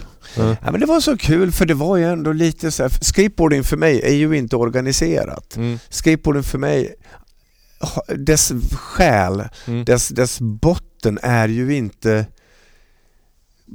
att skjutsa barnen till träningen mm, och ha träningsoverall och att man åker och trä- Skateboarding för mig är ju liksom en dikesblomma. mm, Den är ju inte uppe på vägen, den Mm. är ju där ute i marginalen, sannolikt också ut, lite grann utanför marginalen. mm, Så jag, jag, jag vet inte, jag, jag är otroligt attraherad i det fenomenet och jag känner ju själv idag att även om inte min kropp förmår åka skateboard idag på grund Mm. av att jag har för ont mm, så har det ändå formgivit hela min ryggrad. mm, Den som har hjälpt mig som entreprenör att idag inte ta allting för givet. mm, Att våga utmana fastän det känns som att jag utmanar någon som är jävligt stor, svår och stark. Modeindustrin, gå in i den. De vill ju ta bort mig allihop. De hatade ju mig. mm. Och just därför förstod jag att Ja. jag behövs. Så det, det här är liksom den obstinata Ja. fan i mig. Den kommer ju sprungen ur skateboardindustrin när de vuxna ville tala om för oss att vi fick inte vara med. Vi fick inte vara med. Ja. Och då var vi så, det, nej men okej, men då bygger vi en egen värld. Ja.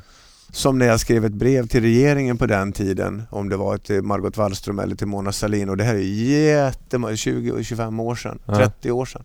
Ja. Och så skrev jag bara om pengar till två skivor plywood.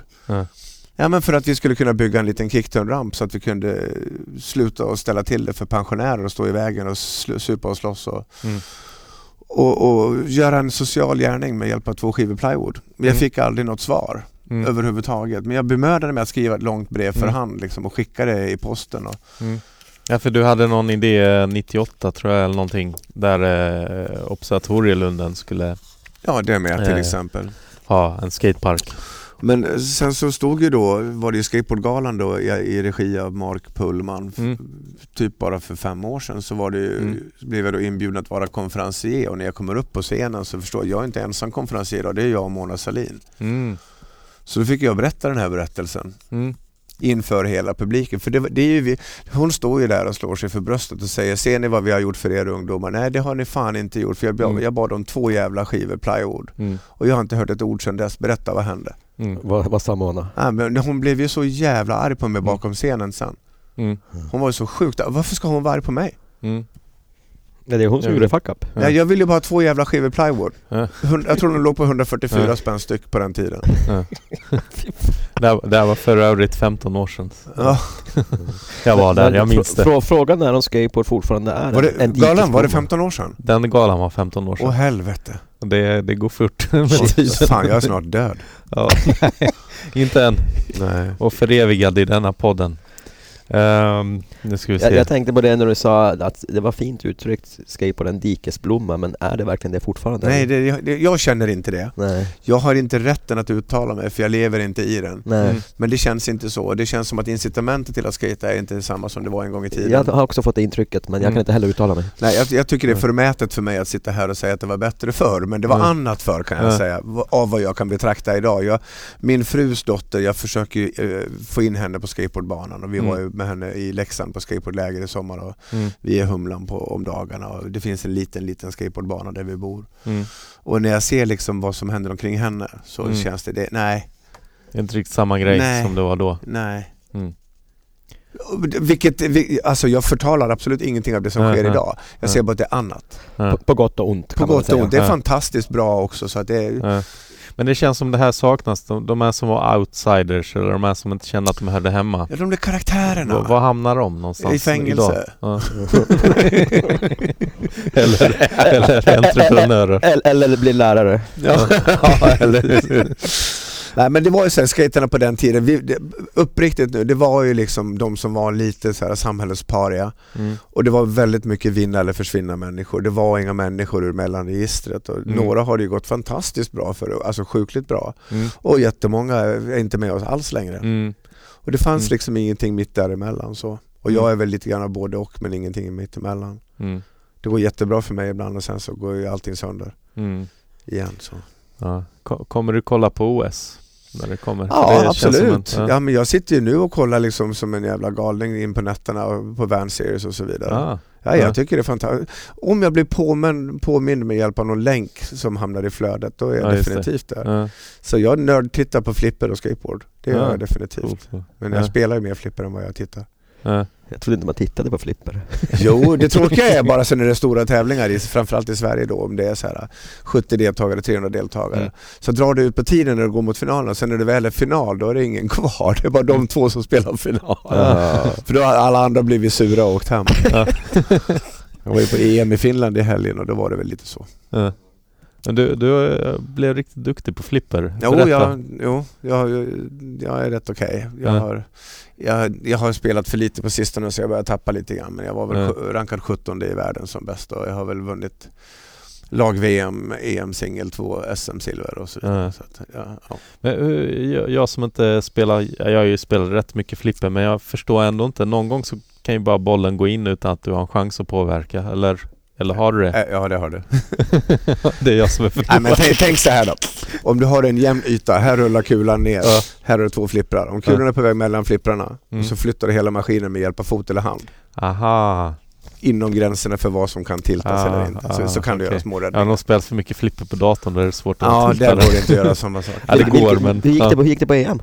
Nej, nu så kom jag 21 av 300 spelare så Ja. det var... Ja men det var väl ändå, det är många Ja, efter. men sämsta på många år tyvärr. Så att jag förlorar. rätt Men hur är det man lär sig olika flipper, eh, vad heter det, äventyr höll jag på att säga. Nej, men det- Spel. Ja, spel. Maskiner, ja. Äventyr. Nej men det finns ju sådär... Flipperäventyr. det heter, det heter, farbror, det heter ett spel. ja, ja. Skateboarddäck. Nej men det finns ju, det finns väl såhär skateboardflipper och det finns Indiana Ja. Jones och de här Ja, då, ja, klassikerna. då, det finns. Vilken är favoriten? Uh, Ja men det skiftar med dagsform och sådär. Men Mm. jag, jag har haft Radical spelat har jag haft hemma. Ja just det, skateboardspelet eller flipper. Ja. Japp. Är inte det rätt gammalt? Jo, det Det är en sån här 70-talets en- grafik på det va? Ja, det är Bally 1979 kanske. Ja, wow. Och det spelade du när det var nytt på den tiden då eller? Ja, jag var med och packade upp sådana gamla maskiner, NIB som det heter, New in Box då i början på 70-talet. Aha, wow. De som är så här, vad heter det, museiföremål idag. Ja, Ja men flipper, ja men det är så här, mitt liv idag är ganska mycket allvar. Jag driver mycket företag, jag driver familj, jag har barn och allt det här. Och mm. mitt i allt det här, jag kan inte åka skateboard, jag har för ont, jag har brutit för mycket, allt är Mm. ur led, jag ramlar jag så går handleden av igen. Ja, Så att jag måste ha något intresse som inte bara är av allvarlig karaktär Ja. i livet. Så att, ja, precis. Och det där har jag lite ångest över dina, din handled också. Var jag Ja. med och skulle filma en gång och då Ja. bröt du? nej, eller men det, vad men det är bara skrot. Jag har ju 12 handledsbrott hittills så, Ja, så det är bara plockepinn. ja. Så att, eh, ja, det... Du opererade med ryggen också, det var en stor jävla operation. Ja, två och ett halvt år sedan så bestämde jag mig för att jag skulle laga ryggen då, så då skar de upp hela framsidan av köttet från solarplexus ner till Mm. blygdbenet och fläkte upp kroppen och tömde kroppen på alla organ. S- högg sönder ryggraden framifrån och. Drog isär och kastade in en massa titandiskar och sen i Mm. med hela jävla gulaschen igen och sydde ihop. Och... Du är en Terminator. Ja lite faktiskt. Just nu så, det piper ju i, i när jag går ombord flygplan. Det gör det? Ja. Vi, vi var faktiskt inlagda nästan samtidigt. Jag tror jag Ja, kom det- tre dagar efter Precis, på samma... för du var också uppe på eh, Lövet va? Ja precis, där. Och eh, sen ja, vet jag att eh, det var en skateboardåkare som opererade dig. Martin Skeppholm. Mm. Han är skatare, han är en legend också i sin del av Stockholm. Och så. Mm. Stor kirurg. Han, han säger att han skulle kunna leva på att operera skateboardryggar. Jag kan klippa här så kan du ta en servett utan att... Är det, Ja, är det, är det snorigt? Ja, Ja. tack, tack. Ta hela maskinen. Ja, jag gör det. Det fanns ingen öppning. Jag, jag gillar de där, eh, vad står det? Du får ingenting med dig när du går. När du går, inte hennes porslin. Frälsningsarmén. ja, de är bra. Frälse, jag älskar Frälsis, jag älskar Eh, Faktum är att jag älskar Frälsningsarmén mest av alla de här organisationerna. Sen får vi diskutera de här Mm. bakomliggande värderingarna. Men Ja. nästa vecka så har jag köpt mat till hemlösa för 10 000 kronor. Jag fick, Mm. jag fick höra att de hade jättemycket mat med bäst före-datum som är nära att gå ut. Så jag har fått köpa sjukt mycket mat nu för 10 000 kronor. Jag Ja det måste ju bli jättemycket. ja, jag, fick, jag får typ ett 60-70 000 kronor värt som vi nu kör ut nästa vecka till hemlösa. Ja. Ja, man får ge tillbaks någonting. Vad fan, jag har också fått hjälp när det var som värst. Ja. Eh, jag tänkte där innan det blev som värst. eh, street Mm. style och sen blev det 08. Eh, Ja. Jag kommer ihåg nyhetsbrevet. Eh, Det var en jäkligt rolig grej som hände där när internet kom in Ja. intågande. Ja, ju, hade, Alltså- hade, hade jag inte tänkt på sen dess. Alltså det är något av det som jag tänker tillbaka lite att det här var ju så otroligt bra. Du hade väl, var det 70 000 Ja, något sånt subscribers ja. eller någonting? Och, och det hade otrolig, mm, vad ska man säga, underhållningsvärde och jag tror du pajade Robinson för eh, 70 000 personer någon gång. Minns du det? Nej, men jag vet i alla fall att uh, jag, jag, jag, det var det nyhetsbrevet, känslan, andemeningen i det, det var väldigt mycket det som blev tidningen Big Brother sen. Att det var, det var lite halv anarki, Mm, det var gemenskap mm, och det var ett nyhets och underhållningsvärde som var mm, lite under bältet men lite i, i ögonvrån också. mm. Det var otroligt roligt för just det här med Robinson så var det att jag tror Flashback som då på den tiden var ett nyhetsbrev också eh, hade gått ut med vinnaren av Robinson innan, innan finalen skulle sändas på lördagen. Och då kom det, då kom det ett mail från Per. Och vinnaren är, vem det nu var. Alltså. Förlåt. Ja, 70 000 personer fick sin lördagskväll förstörd. Nej, Det, jag vet inte. Men vet du vad? Mot slutet av min tid i, i, i skateboardhistorien, jag har lärt Mm. mig att det är ah, allt är mitt fel. allt är mitt fel. Jag har en bekännelse. Ja. Det här nyhetsbrevet, du hade tävlingar också. Alltså att man kunde Mm. var det svara på tio frågor. Jag tror det var tio skatare. Var kom de ifrån? Eh, och då var det så här, antingen land eller West Coast eller East Coast. Och så skrev du mejlet att ja, den första som svarar rätt vinner en bräda eh, och eh, nu måste jag tänka efter lite. Och sen skrev du, ja nu går jag hem för dagen. Eh, så ha, ha en trevlig ja, dag eller någonting sådär. Och eh, det var ju på den tiden man ringde modem och eftersom jag är en sån här hacker så tog jag väldigt god tid på mig och leta upp svaren.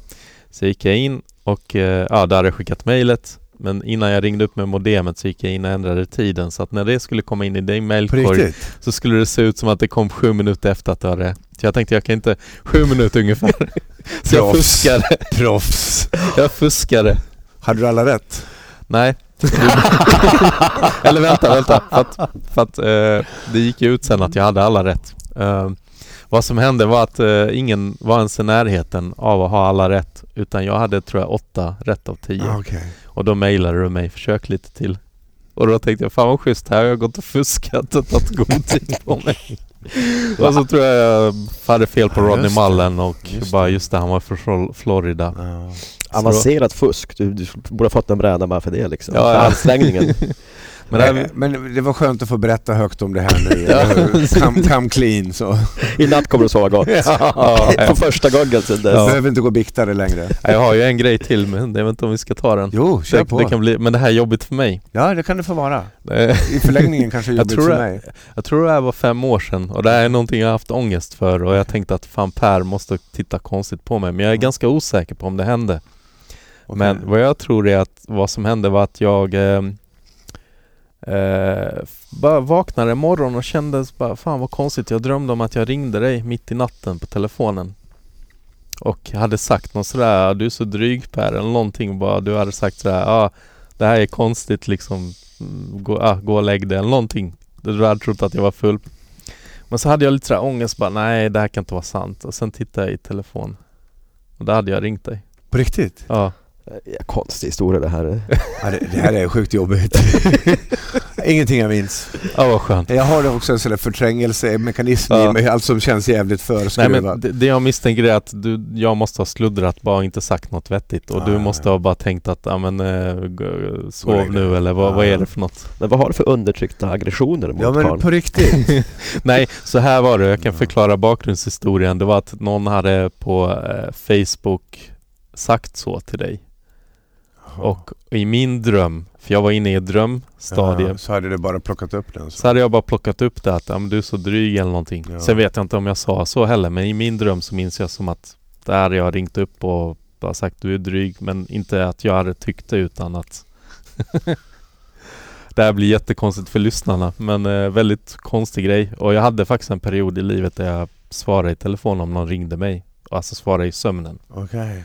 Sådär. Men det var kanske ja, mycket stress. Just då hade jag precis flyttat så jag tror det, var, det har hänt några gånger under stress. Dennis, vad ska vi göra med dig? Så där till alla lyssnare, om jag har ringt och sagt konstiga saker till er Ja. så ja. Ja, vad jobbigt det blev nu. Nej, inte ett dugg. Nej, men alltså det är, ju- det är ju så här. Jag, jag vet ju till exempel om vi nu ska dra något ur det där att det finns ju orsak till folk att ibland tycka att jag är lite dryg. Mm. Uh, och det är ju inget konstigt av den enkla orsaken att jag är ju det ibland. Mm. Men igen, jag är det aldrig med ont uppsåt. Mm. Så jag, jag är det inte för att skjuta ner någon. Jag kan däremot provocera någon. Mm. Till, för jag vet att i varenda provokation tagen anständigt så, så förs någonting bättre. Mm. Men jag kanske inte alltid levererar det i så varma servetter. Mm. Så, men men eh, jag, jag tycker om att utmana, framförallt så tycker jag om att utmana konventioner och, och, och ska vi säga, monokroma åsikter. Och om Mm. jag säger till 37 gubbar i ett rum, varför har ni slips? Mm. Så har de inget svar annat än att jo, men det är våran kod. Mm. Ja men liksom var kommer den ifrån? Mm. Så att jag, liksom, jag gillar ju att utmana konventioner. Mm. Om alla står i ett rum och bara håller med varann. Mm. Om det är så Hells Angels som står tillsammans och säger att bögar är idioter. Mm. Så, så, så håller ju inte jag käften. Mm. För medhållsrum är ju livsfarliga. Och mot, mothåll, heter det så? Vad säger magistern? Mothåll, medhåll och mothåll. Ja, vi säger att det heter så. Bra Ja. ord. Bra ord. Ifrån och med nu Jag, i alla jag, fall. jag, jag, jag, jag, jag som bestämmer. Det heter mothåll. Ja. Du ser ut som en sån här På spåret-domare. Du sitter och antecknar med pennan. Ja, ja, ja, ja, ja, ja. Jag hade väl sagt Nej, att du men liksom att- att-. Jag kommer att rätta dina grammatiska fel sen Per, men vi kan ta det när jag har stängt av. Det är helt okej. Hur Grammatiska, hur stavas det? är det två M? Ja, Två T? ett till. Ett T. Ett T. Ja, nej men i alla fall så att jag, jag tycker de var provocera. Jag tycker Mm. liksom skateboardingen på den tiden, det kallades för, för punkbil. Mm. För att den stod i vägen. Vi åkte liksom pensionärerna ute och fingick. Mm. Och den här lilla tysta protesten mot att vi inte fick någon annan plats att vara, det, liksom, det var ju vårt enda sätt att göra oss hörda. Sen startade vi punkband istället då, och sådär. Men så det där sitter kvar i mig. Mm. Alltså jag startade min karriär med mitt senaste stora modeföretag, Old Molly då. Mm. Jag började det med att skicka ett brev till varenda moderedaktör i hela Sverige. Mm. De stora fina på tidningen L och så vidare och Mm. bad dem dra åt helvete. Mm. Det var det första jag gjorde. Ja, och, och jag hade orsak till det för jag tyckte inte att de projic- projicerade fina värderingar mot unga tjejer. Mm. Det var noll inkluderande, det var noll okejande av kvinnor. Mm. Så jag sa, jag hade min dotter, min fru och min mamma. Jag ser ju liksom, om de hörde allt de sa så skulle de ju fara illa. Mm. När de säger på sidan 28 du är tjock och på sidan 30 så skriver de vi kan göra dig smal och fin. Mm. Och jag tycker inte om det här och då säger jag ifrån. Men du gick in i modebranschen och bad modebranschen dra, dra åt helvete Ja. på samma gång? Ja. Mm. ja. Ja, men det var i alla fall, jag fick uppmärksamhet. Ja, det, det, kan, det kan jag tänka mig. Det hade jag inte fått om jag hade mig. hällt upp ytterligare ett glas bubbel. Nej, nej. Men- Men med det jag tror också att vi som eh, åkt skateboard liksom och följt din resa och Mm. följt liksom varit med hela den här ah, Big Brother World Industry också och Street Style att eh, och det var därför jag skämdes också efter det här samtalet att varför skulle jag kalla dig för dryg? Du är ju skater liksom. Jag fattar ju precis den grejen. Ja, egentligen är det ju så men... Men, Men, nej, men, men jag... men, men, jag tror ganska många nya som kanske inte har förstått hela vår bakgrundshistorik med skate Chain och of punk och events. Ja. Ja. att det blir lite, vad ska man säga, att de kan tycka att ja, men, han har det så bra nu och Ja. avundsjuka och att du irriterar mer än... ja, men det var det där med att ha det så bra avundsjuka. Ja. På vad då? Ja. Jag inte, pengar, vad- framgång. Ja, men tänk om, man, om det inte är så enkelt och tänk om Mm. lyckan bor någon annanstans. Mm. Det kan jag ju berätta, jag som har fått ha den stora förmånen att lära mig det. Mm. Att jag har ju letat hela, hela mitt liv efter lyckan. Mm. Så som alla vi gör. Mm. Och jag har ju kommit dit där jag trodde att den var. Jag hade Mm. ju allt. Mm. Och så förstod jag att fan hela mitt jävla liv har ju varit en stor hägring. Jag är blålurad av livet självt. Mm. För det var ju inte där. Mm. Det är inte så roligt att vara på topp kan man säga. Nej men det, det var ju inte där liksom. Men, Mm. det- och jag, jag känner mig bara så här, jag har ju blåst mig själv. Jag har liksom spenderat 35 år av mitt liv jagandes mm. någonting som inte fanns. Mm. Liksom det, det, där någonstans så skiftar ju liksom lyckan kontur från att vara konkret till att vara abstrakt. Mm. Och helt plötsligt så blir den dessutom vacker och varm och Mm. vill väl. Ja. Men i den andra, den här mätbarhetsframgången så finns det ju bara otyg. Ja. Överflödet för bara jävla satskap med sig. Ja. Det finns ju en hel del exempel genom Ja, historien. ja det här är inget konstigt Nej. egentligen. Mm. Så Och, och, och ändå är det sådär man har hört talas om det men inte förrän man själv har upplevt saker så vet man vad det handlar Till om. exempel. Men jag är otroligt lycklig över att jag korsade väg med skateboardåkningen någonstans Mm. där i slutet av 70-talet. Det har, jag, jag vill inte ens föreställa mig hur mitt liv hade sett ut annars. Mm. Det, det har blivit ett otroligt eh, rikt liv Mm. i att jag har vågat eh, våga. Mm. Sitt, sitter du där till exempel på ett styrelsemöte och tänker att vem, vem släppte in skateboardåkaren här? Ja, men samma sak där. Sitter jag i ett styrelsemöte så säger jag till mina styrelsemedlemmar, hörni ni, nu sitter vi här och diskuterar det förflutna i form av färdiga Excel-ark som vi alla kan läsa liksom, när vi är på Mm. muggen. Vi behöver inte göra det i grupp. Vi Mm. ska sitta och läsa balansräkning, resultatrapport i grupp. Varför Mm. det? Mm. Och sen någonstans i sista punkten, punkt 13, så står det övriga frågor. Där Mm. blir mötet kul. Mm. Så jag säger till styrelsen, vet ni vad? Idag börjar vi med övriga frågor. För annars Mm. när vi kommer till dem, då är tiden ute och det är där mötet blir spännande. Mm. Lyssna på mig nu, jag har rätt och ni har fel. Mm. Och så gör vi så här. Ja. Men det är ett sätt för mig att Ja. utmana ett gammalt protokoll. Om man vill ha en, en, en konstruktivitet i saker och ting. Mm. Och då säger de så här, ja men han är då en dryg jävel. Men det finns inget ont uppsåt i det. Jag vill bara skapa så mycket som möjligt med den lilla korta tid vi har tillsammans Mm. i rummet. Mm. Och sådär. Mm. Och, om man tar det tillbaka lite skateboard, är det inte lite att man har ett trick man vill lära sig som en utmaning Jo. och sen Ja det funkar liksom inte att snurra 360 backside, ja, men testa frontside kanske istället Ja. bara för göra något bakvänt bara Ja, för eller gör som Roddy Mullen, kasta upp brädan i luften och se hur den ter sig när den landar. Ja precis, ännu bättre exempel Han sa ju att han lärde sig Mm. trick genom att bara kasta upp brädan och lät den landa. Ja. det, vilken Ja. lirare. Eh, men jag tänkte också lite på det vi pratade om ja, där 08 och Mm. år 2000 var det väl det som det Ja. sprack eller var det Ja, tidigare? det det ja, år gick- 2000. Ja. Tredje kvartalet 99 tror jag Mm. det allting gick sönder. Mm. Och jag vet, eh, jag var ju själv i Silicon Valley eh, och skulle bli IT-miljonär när IT-bubblan var som störst. Så jag kom Mm. hem februari år 2000. Mm. Ja det var nog Eh, och eh, jag- jag var ju- jag var ju hemlös själv för att jag hade tänkt att jag ska bli IT-miljonär men Ja. så sprack bubblan så jag kom Ja. hem, bodde hemma hos en polare och jag vet att jag träffade dig i Opsan Ja. Med en trasher duffelbag full med Svea-hjul och du försökte sälja Ja. hjul och, och jag vet att jag kände att det, där, det där känns inte bra men, men jag hade liksom inte vad ska man säga, jag kunde inte erbjuda en bostad eftersom jag var i liknande Mm. situation själv men, men om man nu skulle gå tillbaka så kanske jag hade ändå försökt prata, jag vet inte det är svårt för att du var ju äldre än mig men, men har du något tips till någon som kanske upplever någon som hamnar lite på snett, vad, vad kan Alltså, man göra? Ja, det, det, det, det är skillnad på om det är man eller kvinna, förlåt Mm. om jag säger så. Men för att vi män har jävligt eh, svårt att be om hjälp. Mm. Tjejer ringer gärna en kompis, vi tar fram hagelbössan lite så. Mm. Ja men om, för att generalisera på Mm. norrländskt vis då. Mm. Nej men eh, det är så här när man, när man lever lite grann på fel sida linjen, det, det, det är bortom förklarbart ensamt. Mm. Det är väldigt ensamt. Och människor tar inte notis av din existens. Att, Mm. att ge människor bekräftelsen att de Mm. faktiskt finns även i andra människors ögon. Mm. Att ge en människa två sekunder av sin tid att försöka gå ner i samma höjdläge, gå ner i knäposition och prata med någon och sitta ner. Mm. Det är det viktigaste man kan göra och sen så faktiskt erbjuda sin hjälp. Mm. För att man äger inte alltid förmågan att sträcka ut en egen hand för det är också ett, ett självförnedrande. Mm. Så. Mm. Så att jag brukar säga liksom, det finns en trestegsprocess som har fungerat för mig. Ja. Som jag försöker också ge bort och den, den handlar om att bekräfta människor, våga tro på människor och ge Ja. människor chansen. Ja. Så. Det jag kallar det för Pers trestegsmodell som han har stulit av en socialsekreterare i Salzborg. För så, för så gjorde hon med mig.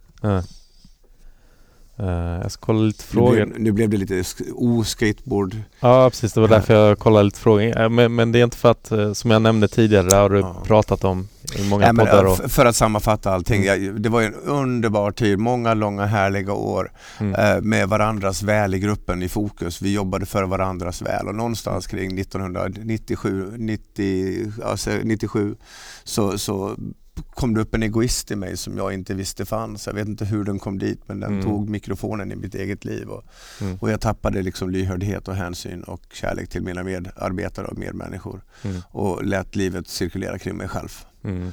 Och i det började jag ta saker för givet som fanns i mitt liv som min familj, mina partners, min, min roll i företag, kamratskaper och så vidare. Mm. Och jag hade inte en aning om hur sårbart det här var. Mm. För att en dag så fick jag betala, fakturan kom. Mm. Och jag började missköta mina förtroenden och mina, mina eh, gemensamma angelägenheter ihop med mina partners. Mm. Jag började utnyttja vårt partnerskap.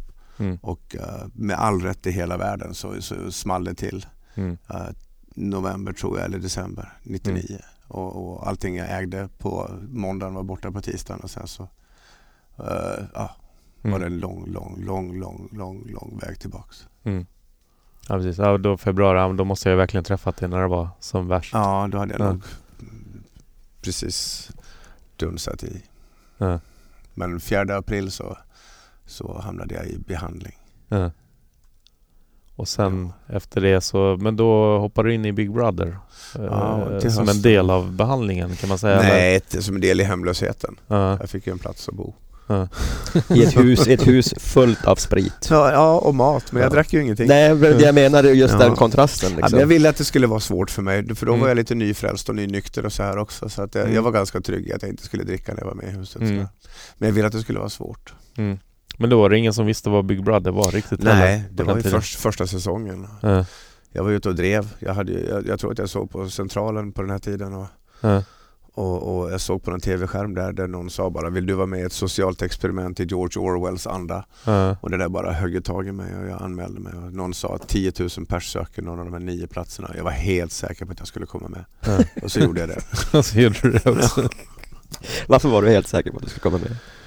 Nej men ett, en alkoholiserad för detta skateboardprofessionell entreprenör med tusen titlar därtill skulle vara Ja, kul, det har du rätt i. Det kul att presentera och sälja in det på.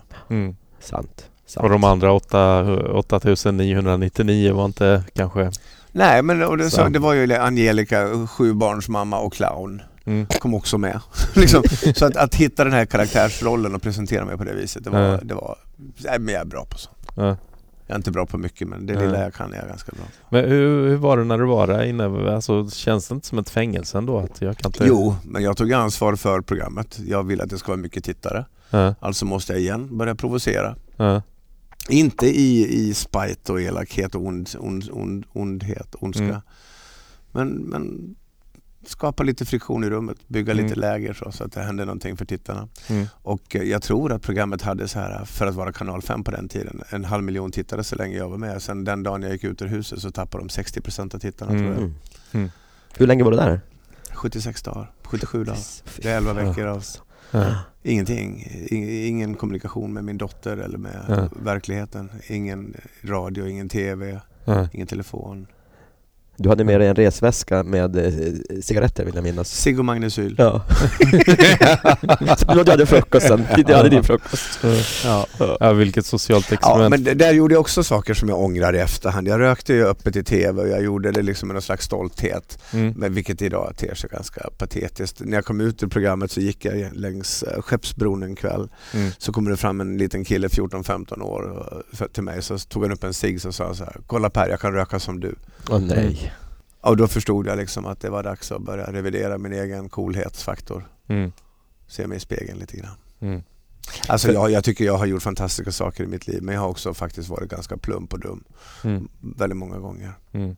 För intrycket jag fick var att det var inte så mycket, vad ska man säga, alkohol och drogförhärligande under streetstyle-tiden i alla fall, eller 08. Nej, Jag vet inte, Alexander säger att jag introducerade varenda skateboard ungdom till alkohol. Jag, det, Ja. det får stå Nej, men, jag- för, men, för men, honom. men jag menar i utåt sett liksom. Om man, om man jämför med vad Big Brother var, skateboardtidning Ja, i USA nej, så var ju det... skateboardingen för mig, liksom, det är klart att det var en festkultur också. Vi Mm. hängde ju på Bombay och, och Hirschenkeller, det var ju liksom där vi var.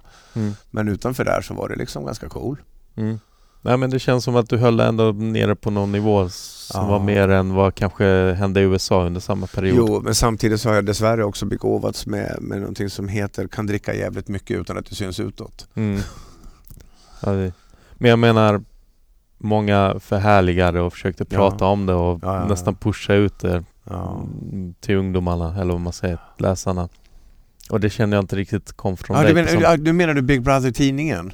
Ja, ja precis, förlåt. Ja, jag blandar ihop, jag, jag, jag undrar vad fan du håller på med. Jo, nej men den, den gav ju kurser i självmord och bygga sin egen bong liksom. Ja, how, how to pass a joint. Ja, just ja. ja, då är det roligt. Fan vad roligt. Ja, det, det bästa det var i alla fall... How to kill yourself. ja, det var ju med. Ja, det var med. Ja, Larry Flint köpte den här tidningen Ja. sen och tänkte nej, så skulle jag göra om den och göra en rumsren, gick ju inte alls. Nej. Nej, Skulle Larry. Flint göra den rumsren? Det var en konstig ja, mening också. Ja, men verkligen. Ja. Det var ju som när Bonniers köpte upp Edge, svenska Edge. Ja, vi sitter ju här på Bonniers. Ja, och då Mm. gjorde vi revoltnumret, Mm. avslutningsnumret i Edge. Mm. När då Bonniers hade köpt upp den och de kom väl ut med någon slags eh, propå där att det här är inga mer svärord i tidningen nu och, Mm. och det var ju då som styrelsen och redaktionen för tidningen var sådär, eh, gav ut sista numret, bjöd in 32 konstnärer och alternativa hjärnor att göra tidningen tillsammans. Mm. Varav då Puma Swede, porrstjärnan, Thomas Quick, M- Mass Mång, massmördaren, Alexander Åkerlund, jag och några till. Vi gjorde tidningen ihop och man släppte ut den här utan att chefredaktören tittade på någonting, Mm. ut i handeln och sen sa alla upp sig.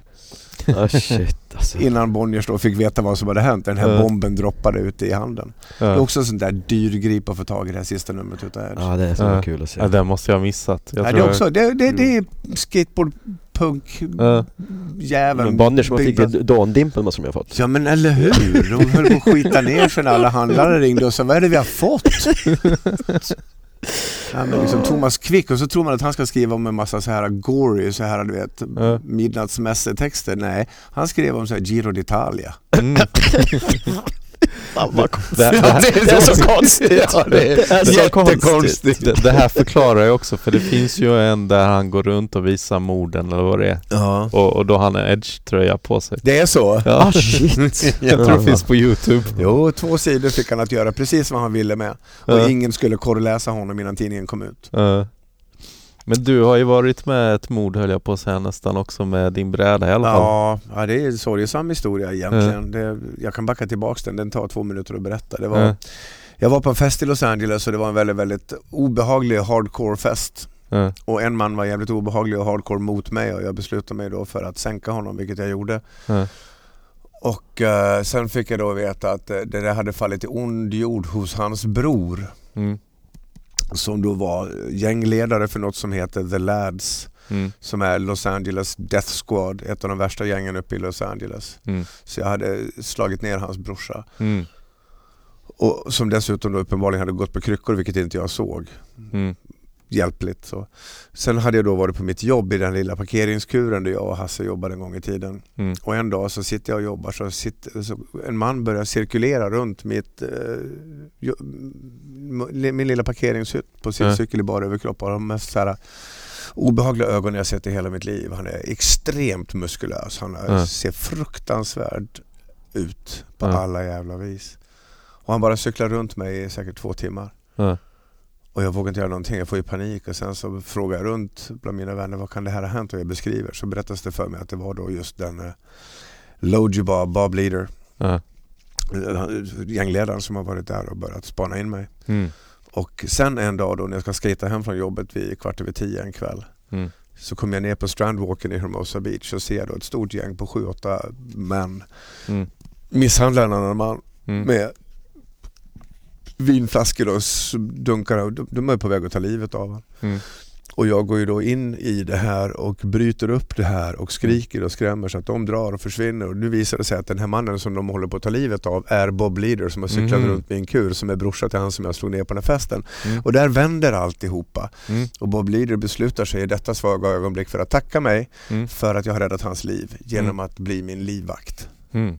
Vilket var det sista jag ville ha. Mm. Och han flyttar in i min lägenhet. Och var jag än går så går han bredvid mig och han är liksom hela jävla Los Angeles en av de tio top most wanted sådär. Ja. Och, och jag börjar samtala med honom, han är ganska drogberoende på den här tiden och jag får honom ur drogmissbruket. Ja. Jag får honom att prata om kärlek, jag får honom att prata om livets essens och viktigheter. Ja. Och mitt i hela det här att han börjar få åter sin balans Så gör hans tjej slut. Och då är han i min lägenhet, jag är inte hemma. Och eh, först så tar han eh, ett slagträ och slår sönder hennes och hennes pappas bil. Sen går han tillbaks till lägenheten, hämtar min tracker flipside, åker ner till piren i Hermosa Beach, sätter sig och tar en cigarett i eftertanke på kofångaren på en främlingsbil. Främlingen kommer fram och säger vad gör du? Sitter du på min bil? Så jag kunde inte göra. Mm. Och han slår ihjäl honom med min skateboard. Mm. Und so weiter. Och eh, sen så får jag då höra att kan det vara på det här viset. Jag åker upp till Hermosa Beach Police District och de visar mig min bräda i en blodig plastpåse som bevismaterial. Och, ja, det var en ganska gory period. Ja. För han hade ju dessutom sin vice då som flyttade in i mitt garage då som skulle Oj. skydda honom för att han var Ja. hans ledare. Så hela den här processen var jävligt äcklig och spooky. Det här är ett sent 80-tal. Ja, det här är 84, 83, 84. Aha. Vad- Fanns det inte någon koppling till bandets hus här och Tennessees eller? Tänker? Nej, inte annat än de hade, det var ju också delar i färger och, Ja. och gängbildningar och sådär men det här var The Lads. Men är det ett vitt gäng, The Lads? Ja det är det. Det, det var Bob Leader och Tony Ford. Sist, jag, jag fick ju för två år sedan så, så, så visade någon mig en, på en stolpe så, så satte upp så här papperskopior på en man så var det då Bob Leader Mm. på bild och från Hermosa Beach Police District. Have you seen this man? Sen står det så här Do not serve him alcohol. För han blev, han blev fruktansvärd under de premisserna. Men åkte han, åkte han inte in då? På... Jo, jo, han fick ju 20, 22 år tror jag han fick. Och, Mm. och sen så fick han komma ut tidigare. Det berättas att han kom in på Los Angeles County Jail, ett av världens hårdaste fängelser. Och Ja. första dagen hade han spottat hela fängelses, kungen av fängelset. Och för att eh, han hade då fått för sig att om jag knäcker konungen på fortet så, så tar jag över rollen. Så då hade den här kungen i fängelset och hade stått och druckit vatten i en vattenfontän och Bob hade kommit upp bakifrån. Ja. Tagit hans huvud och krossat hans Åh. mun och ansikte i- över vattenfontänen. Ja. Och sen den dagen så var han etta då på fortet. Ja. Fan. Min livvakt. Din livvakt. Ja, lilla spensliga Per från Falun. Vad fan hände? Åh jävlar. Men mitt i den här vevan så, liksom, så, så var ju, hade vi en fin gemenskap i USA med Hasse och Greger och allihopa. Det var ju, liksom, det var ju Mm. roliga dagar. Vi, vi skejtade på förmiddagen, eftermiddagen, kvällen och hade väl en fest på morgon på lunchen, eftermiddagen och kvällen också däremellan. Mm. Men det var ett, ett liv med bägge fötterna på gasen i durtoner vi hade jätteroligt. Vi hade Mm. inte en aning om att det fanns liksom en mörkare konsekvens av den här typen av liv. Mm.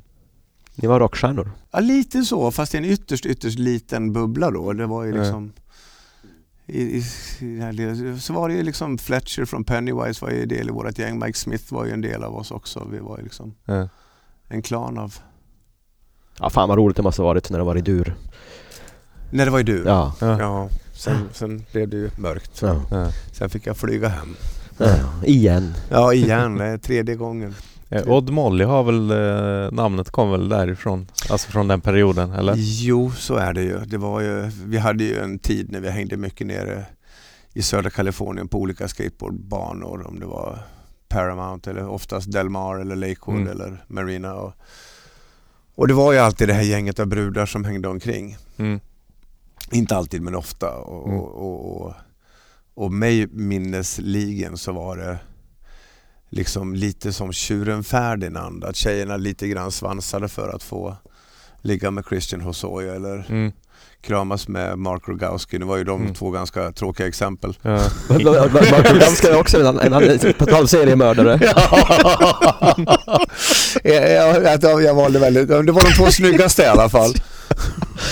Och stackars Tony Hawk fick ingenting. Nej, men det är apropå att eh, det är inte viktigast att vara bäst. Nej. Nej, men och, och, mitt i det här gänget av brudar som svansade och försökte fälla de snyggaste killarna så fanns det en brud som inte gjorde ett jävla skit för att imponera. Mm. Och det var oftast henne som killarna liksom riktade blick mot och ville ha och hon hette Molly. Mm. Och jag tyckte det fanns något fint i det här att liksom, ju mindre du gör dig till ju mer attraktiv blir du. Mm. Och det blev då grunden i vårt varumärke. Mm. Vet, fint. vet Molly om det? Ja, Hon gör det? ja, ja, Mm. ja, ja. vi är till och med kompisar på Facebook. Ja, fan vad Mm. kul. Så. Heter hon Molly? På, ja, vi ska inte Googla gå... på den du! jo. Ni bara kolla Nej men hon Facebook. vet, hon vet och jag har till och med varit och knackat på hennes dörr om än väldigt lätt. Mm. Kul. Mm. Ja. Nej, så sagan är inte slut än. Jag hoppas liksom att min kropp ska väl börja funka så bra så att jag kan knapphändigt våga ramla lite grann till. Men Mm. På skateboarden menar du ja, eller? lite så. Jag blir Mm. lite sugen på i alla fall att åka ut och stappla omkring med Mm. er gubbjävlar när ni håller på. Jag, ser, alltså jag blir så knäckt av dig Mattias att du, att du är så pass, ja men det kanske inte är så jävla smooth längre men tricken sitter fan där. Ja. Mm. ja, de sitter stenhårt. Ja men eller hur? Men smooth är jag inte. Nej, det är det jag menar. Men, men fan, du, du tar det runt och du placerar det bra i tävlingar. Ja. Du har all orsak att vara kaxig inför dina elever. Mm. Ja. Det- någon, vad, vad säger de? De, här, I förra veckan så sa, var det en, en nya eleverna. Alltså, de i tvåan säger att du är världsmästare i skateboard. Jag bara, nej jag är bara fyra. Jag bara, Aha, okej. Nej, är det det, säkert? var, det var den reaktionen. Ja, Jag, bara, det- jag, jag tänkte så här, men de bara, men fan det är ändå bra. Jag bara, jo det, det är väl, det är väl hyfsat. Ja, men det är så här, du var ju en sån där som jag minns som det fanns alltid några sådana här, som när ringen kom in först och lilla Lill-Mackan från Täby och sen var det Ösund norrifrån. Det var de här lite mindre killarna, lite yngre, lite så här som stod och plirade och tittade lite snett på Caballero Weiss och sådär. Tog sig in och faktiskt markerade plats och det var, jag tycker det var sjukt häftigt framförallt att få se du att så här, 39 år senare så är det här bättre än någonsin. Ja, det är helt otroligt. Ja, faktiskt. I hårdare konkurrens dessutom. Ja. Ja. Ja. Ja just det, för du var på någon tävling i alla fall, eller? Nej, du var på invigningen har jag för mig. När Ja. vi invigde Högdalen skatepark. Ja, då var jag där och Ja just det, kom förbi. För jag vet att vi körde skata lite, ja. eh, uppvisning. Tävlar du nu? Ja, jag var med förra året när jag arrangerade min egen tävling där, VM. Ja. Så, men det är svårt att tävla samtidigt som man... Det är Dennis förtjänst att jag stod på brädan igen. Du gav mig en bräda och du, det var du som, Mm. inte tjatade, men det var du som ens tog upp det på tapeten. Ja, ja, Så- att du skulle vara med Att du såklart. skulle vara med ja. Ja. ja, du var domare första året. Första året var jag domare ja. Ja. ja. Och sen vart du så sugen och sen fixade jag bräda åt dig. ja. Och, det, och sa åk nu och gör det och pekade och jag bara okej, okej. Ja. Jag, gillar Men- när, jag gillar när folk säger vad jag ska göra så slipper jag tänka själv. Men finns det tillfällen när du sticker ut och åker själv liksom bara sådär? Nej, det, det är sällan. Det Men är det roligare händer. att göra i lag men Ja, det skulle vara kul att åka med dig. Jag har aldrig ja, gjort det. Ma- Mattias är en av de få freestyleåkarna som gillar att åka tillsammans med andra. Ja, det är roligt. Jag är ju, jag är ju sällskapssjuk. Nej Ja. men jag tycker, jag, som på den här tiden när jag liksom uppfostrade Lillis nere i K2an, det var Mm. ju en jävla rolig tid när vi liksom hela tiden Mm. byggde på Adder Trick och vi, jag beslutade mig, jag såg att han hade i alla fall talang och, Mm. och hjälpa upp den där killen liksom att han till slut blev bättre än jag. Det är, Mm. det, är det bästa betyget till mig Mm. som fadder.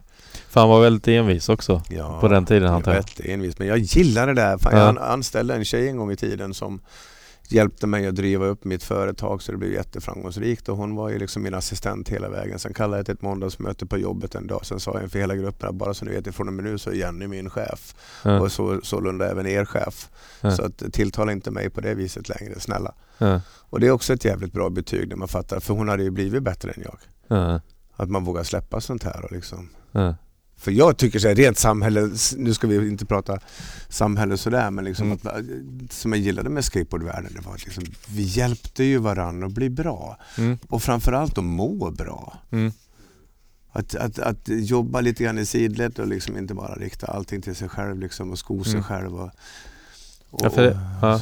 Ja, nu avbröt jag men Nej, du, jag tror jag berättade det när, vi, när du hade din bokrelease att Ja. eh, om det var Borås 92 och jag, och jag hade kommit näst sist på tävlingen i mitt huvud och du sa nej men du kom ju tredje plats. Alltså det var bara fyra freestyleåkare med.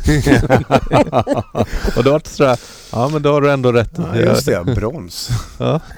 Du fick brons Dennis. Ja, det var, det var Att bra. man, att man, sättet hur man tänker lite. Att, Ja, men så, som sagt var, för om man nu ska börja sammanfatta här så känns det som att jag är, jag är evinnerligt lycklig att jag fick korsa väg med det här fenomenet en, mm, för, för 38 år sedan och jag är så glad att jag än idag vågar bejaka den delen av mig själv. Även om jag mm, inte ser ut som en skatare eller jobbar som en skatare så vet jag med mig själv att jag till 100% har en skateboardåkares själ och ryggrad. mm, Och det är en del av min stora framgång. mm. Du gjorde ju reklam, du skatade eh, för pensions... Mm. AMF. För AMF ja, Ja. 2000. Var det, Mm. äh, det var 18 år sedan? Ja. Ja, Ja, shit. Ja, det var det första betalda grejen jag gjorde efter min tid i utanförskapet. mm. Men hade, du- hade du åkt någonting då? Du bara ställde på Nej. brädan? Det var, Jag fick låna en var, bräda. var du smooth? ja det var han. Ja men Ja, var det? lite. Ja. För det var jag förvånad. Den där när vi träffades februari 2000 när det Mm. kom en duffelbag så lånade du min bräda. Mm. Och jag stod väl och nötte lite freestyle tricks och du bara gjorde det så smooth så jag blev helt knäckt. Bara, hur kan han som... Jag tror du var lite full också och, Ja, ja, det brukar bli lite mjukare då. man, tar, man tar bort kanterna. Ja. och, och du gjorde någon Casper-variation och jag bara stod där bara hopp.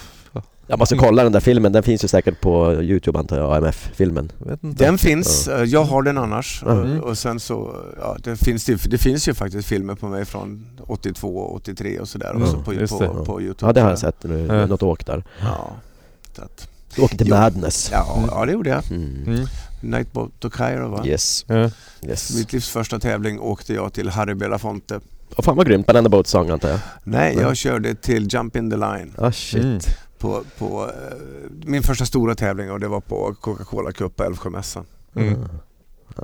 Bra, bra Ja. musik. Jag, jag, jag sitter och går igenom frågorna eh, Har vi missat som, något? som jag missat. Ja, Kasper Plass var i förra avsnittet. Och det var en ganska rolig historia att eh, om du minns nu jag... Kepsen? Ja precis, kepsen. Ja, ja. Men minns du det eller? Nej, inte alls. Men, men för de som inte lyssnat på Kaspers avsnitt, eh, Kasper hade väl velat ha kepsen typ som en liten sponsorgrej av dig. Och frågade lite snällt vad kostar kepsen och då hade du sagt gratis men om du vinner 500 spänn. och den kostar Det 250. där är också så konstigt. alltså. och sen när han väl vann så stod det, var du där framme 500 spänn tack. Jag vet inte om du behöver svara på det där. Nej, men, det är bara reverse logic, jag vet inte. Men lite skateboard också, att man gör någonting tvärtom och bara Ja. tycker det är roligt. Nu gör ju inte jag saker tvärtom bara för att vara tvärtom. Utan Mm. jag, jag tror att jag mer gör, alltså det är en väldigt, väldigt eh, ytlig jämförelse men jag, jag är nog mer åt Pippi Långstrump-hållet. Mm. Jag skiter i vilket. Mm. Jag gör det ändå. Mm. Jag skiter i Prussiluskan om hon säger du ska in på barnhem eller vad heter poliserna. Mm. Kling och klang. Kling och Ja. klang. Jag skiter i dem. Ja. Och, och som hon sa, det har jag aldrig gjort, det kan jag säkert. Mm. Så, så om jag ska jämföra mig själv någonstans så landar jag jättegärna där. Mm. Men om man säger så här, jag tänker också lite, jag har ju hittat på ganska mycket saker när jag, Mm. jag sitter ju och jobbar som IT-konsult och sitter kanske med, jag ska inte vara elak mot mina arbetskamrater men de kanske inte har gjort lika mycket som jag själv har gjort. Nej. Och det har jag mycket skateboarden att tacka för. För att man tänker lite tvärtom, man kanske tackar ja till saker man inte skulle göra. Känner du också så att, ja men hade jag varit en tråkigare person så hade inte livet varit lika Oh ja. roligt? Ja, alla dagar i veckan. Ja. Ja, men det är väl någon som börjar tuta i mig som heter Olle, min pappa. Han sa Mm. sen dör vi. Lev medan du lever. Mm. Och så. Och sen så har jag också lärt mig att liksom, det är inte farligt att göra fel. Mm. För att så länge jag inser att jag får göra fel, ja då törs jag också försöka. Ja. Och jag får ångra mig Ja. så inte jag dör i min egen stolthet. Ja. Så att våga göra fel, våga ångra sig. Det är två ganska sköna livsventiler att jobba under. Men Så provokatören Per är nog inte död än. Han kommer nog Ja. hålla på lite grann till. Det kommer han säkert att göra, Mm. Ja. tror jag. Och du blev, eh, vad var det, LinkedIn årets digital influencer som det heter. Jag blev årets svenska digitala influencer. Mm. Det är en stor sak. Det var i Stadshuset. eh, Mm. 1200 Oj. sittande matgäster. Ja, det var så Och, pass? ja, ja, så jag vann en väldigt, väldigt hedersvärd titel utan att ens veta att jag var en. Ja.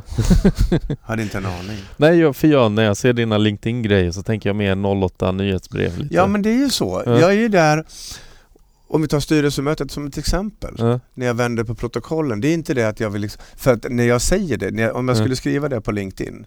Alla gubbar skulle ju skita på sig och hata mig för det. Det, det enda jag gör är att jag vill åstadkomma någonting lite bättre. Så, och när jag säger att i era företag, rikta inte kraften mot de som redan är sitt bästa jag. Rikta kraften Ja. mot de som har mycket mer att ge än vad de ger idag. Ja. Rikta kraften mot de som behöver mest. Ja. Oftast de svagaste i företaget. Titta på folks blickar. Då blir folk skitnödiga. Men jag har ju byggt om då, säger de, LinkedIn till att bli ett humant forum istället för ett akademiskt forum. Mm. Vilket jag tycker, det är väl en fin sak. Mm. Ja, absolut. Och där får man en gång tänka mig på skateboarden har ju varit ett liksom verktyg för att få folk att lyfta. Alltså som, verkligen.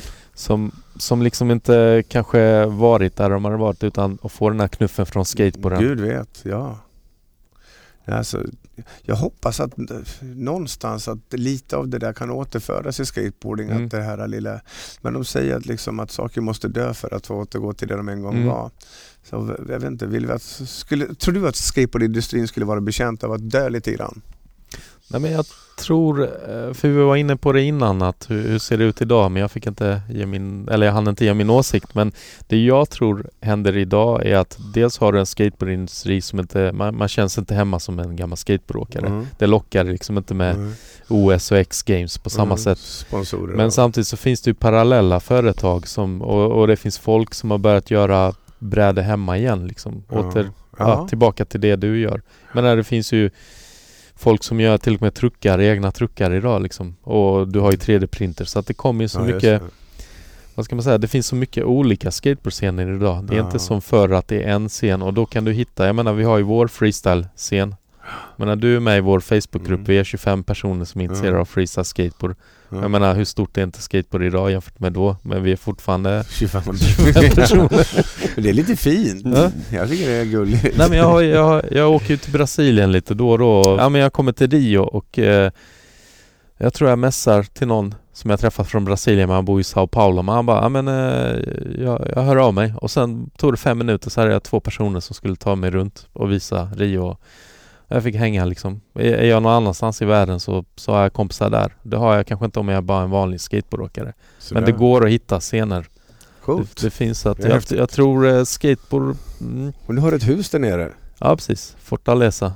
Så det är Är fel. det vid havet? Nej. Ja, precis. 700 meter. Så jag bor på en sanddyna kan man säga. Är det dyrt?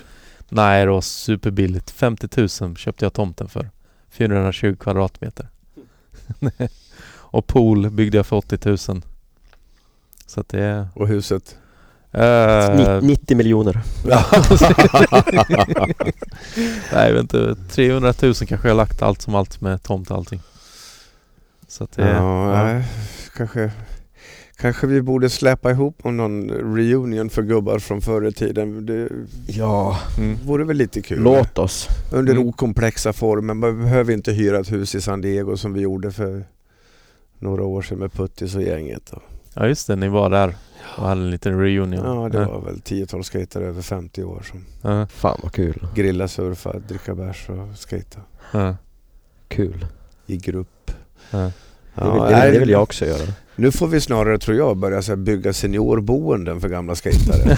Vad tror ni om det? Fy fan vad det ska knakas i de korridorerna. Ja men visst knäna. det, ja men fatta vilken jävla grej egentligen. Ja. Ja. Jag tror, Ja. det kan väl vara något för framtiden. Här, Intressebaserade seniorboenden. Ja, det är inte alls dumt. Nej, för Nej. kulturintresserade får bo tillsammans Ja. och dela ämnen och ha Ja. orsak att gå ut och Mm. mötas och så här. Och, Ja, men det, Det är har, lysande, finns, det, det finns inte det här. nej, mm. Nej, men det har jag också tänkt på. eh, det knäckte vi något fint. Ja, verkligen. Det har jag också tänkt på det, alla som eh, gillar Thailand, varför bygger man inte seniorboende för dem? Alltså nu finns det ju Ja. säkert något liknande men Ja, folk som gillar sport. ja. Ja. Vi har tipslördag. Vi gör en rad ihop. Mm. Sitter ute i samlingsrum. Min pappa han är gammal och bor på hem liksom. Mm. Han kommer inte ens ur sängen. Han har inget incitament liksom. Mm. Gått ner från 94 till 53 kilo. Oh. Tror att han kan gå, kan Ja. inte gå. Ja. Ja, men mina herrar. Ja. Var det, har vi mer kvar? ja, bara några avslutande Såklart. frågor. Eh, den här har vi haft med tidigare så det är inte för att du, du är här. Men eh, vilka fem skatare skulle du kunna eller skulle du vilja se i en upplaga av Big Brother och då pratar vi inte om tidningen. Om du fick Ja, välja jag, jag, och ta med skulle, dig. jag skulle peta in Steve Rocco. Mm, Jag skulle sätta in Mark Gonzales. mm, Jag skulle sätta in Mike Vallely. mm, Jag skulle sätta in Rodney Mullen. mm. Och jag skulle sätta in uh, någon liten... Mark Rogalski. ja, ja, men, ja, men jag vill säga faktiskt Gator. Jag tror faktiskt han är på väg att släppas Ja, snart. Så, att, det, så det var den amerikanska varianten. Så då var Mm. den svenska varianten. Mm. Då kan vi ta lite framlidna idoler också. Då tar vi Lill Perre Mm, såklart. Vi tar Micke Adolfsson. Slappe skulle jag vilja ha med. mm. Eh, jag skulle sätta in... eh, Det finns så många, det kan vara mer än fem. Det är bara att rabbla lite namn. ja, men det finns så mycket. Göteborg hade varit jävligt roligt att ha en sån här surmulen tyst fan. Och puttis så att alla får god mat och mycket kärlek. Ja, Ja. Men och sånt där. Ja. Vem skulle du vilja se i podden? I den här podden, Mm. Eller höra? ja det måste ni ju göra live här i en studio. Det går inte att göra på Skype och sånt där va? Nej, det kan vi faktiskt. Ja, Skype funkar. Mm. Ja, men att... Tarmo Salo Mm.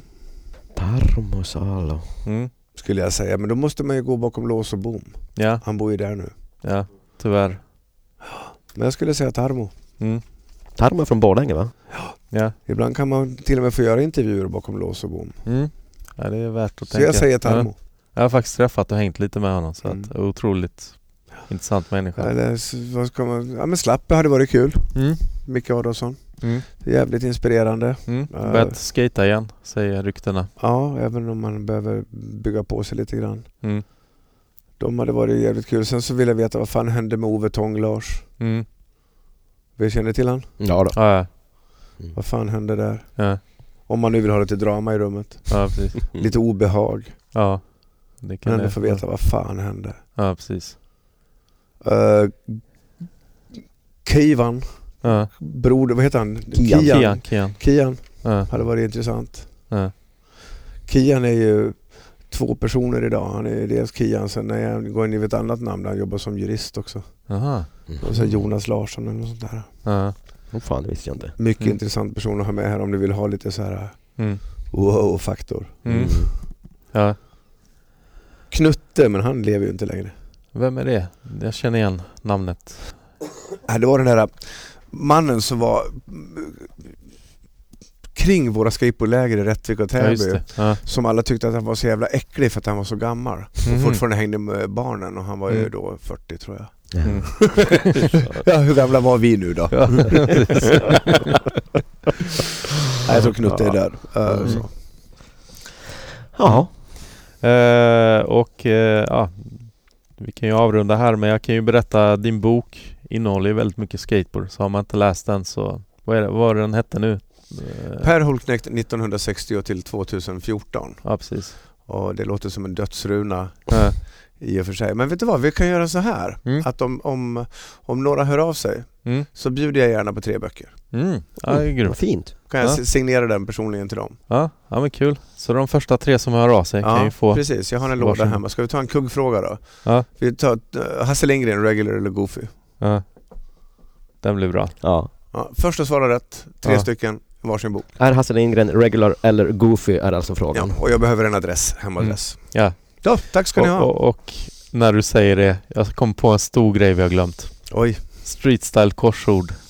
Ja, den är ju en klassiker. det känner du inte ens till Mattias? Nej, Uppåt väggarna. Ja, jag Sista an- sidan. Ja, men jag gjorde, jag hade, Ja, just det. jag Nu ringer den klockan. Sista sidan annons. Jag köpte ju annons men jag la in ett skateboard-korsord bara för att folk Mm. skulle få lite roligt. Det var svåra korsord. Mm. Var det någon som vann? Pontus Karlsson. Ja, han sa det på Facebook men jag trodde nästan inte Ja, honom. Pontus Karlsson. Mm. Vad vann han? Vet Ja, inte. det skrev han. Han vann någon sån här eh, använd airwalk-doja. eller Såklart. ja, Det borde jag kunnat räkna ut. Eh, Ja. Ja, nej men eh, får tacka så mycket att du tog dig hit och ställde upp. Det har Ja, varit men- eh, superkul och eh, ja, har du några du vill Jag, tacka hade, jag, eller jag säga hade lite sett fram emot det här så det här var kul. Ja, Goda vänners lag. Ja. Tusen tack Per Holknekt. Hol, Ja. Långt O, Mm. så Ja. var det. Mm. ja, eller håll, hålle kn, knitt, vad var det stod Ja. på? Du, jag kan ju också utmana då våra kära freestyleåkare där ute. Det finns ju fortfarande ett trick som jag anser att jag faktiskt är den enda som gör. Mm.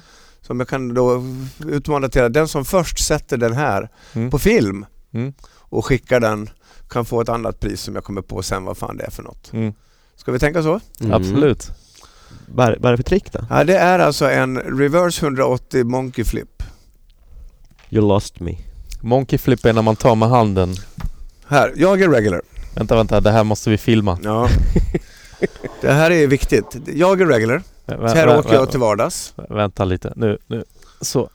Jag åker ju så till vardags regular. Nu vänder vi på brädan, vi har, vi har Ja. tailen fram. Mm. Jag åker f- med tailen fram. Jag flyttar hit hän- fötterna så, så jag står här med tailen fram. Är du med? Mm. Jag sätter höger hand här, så. Mm. Hoppar och gör den här flippen. Den. Först och klara på film vinner ett uh, 10 kilos paket bananer. Och en använd armbågsdoja. Nej men jag tror jag fortfarande är den enda som gör den där. Ja det där Ja. känner jag inte alls igen. Ja, Jag har gjort den på tävling många gånger. ja, ja roligt. Ja, Eh, Kul! Ja, ja, men otroligt mycket tack för att du kom hit.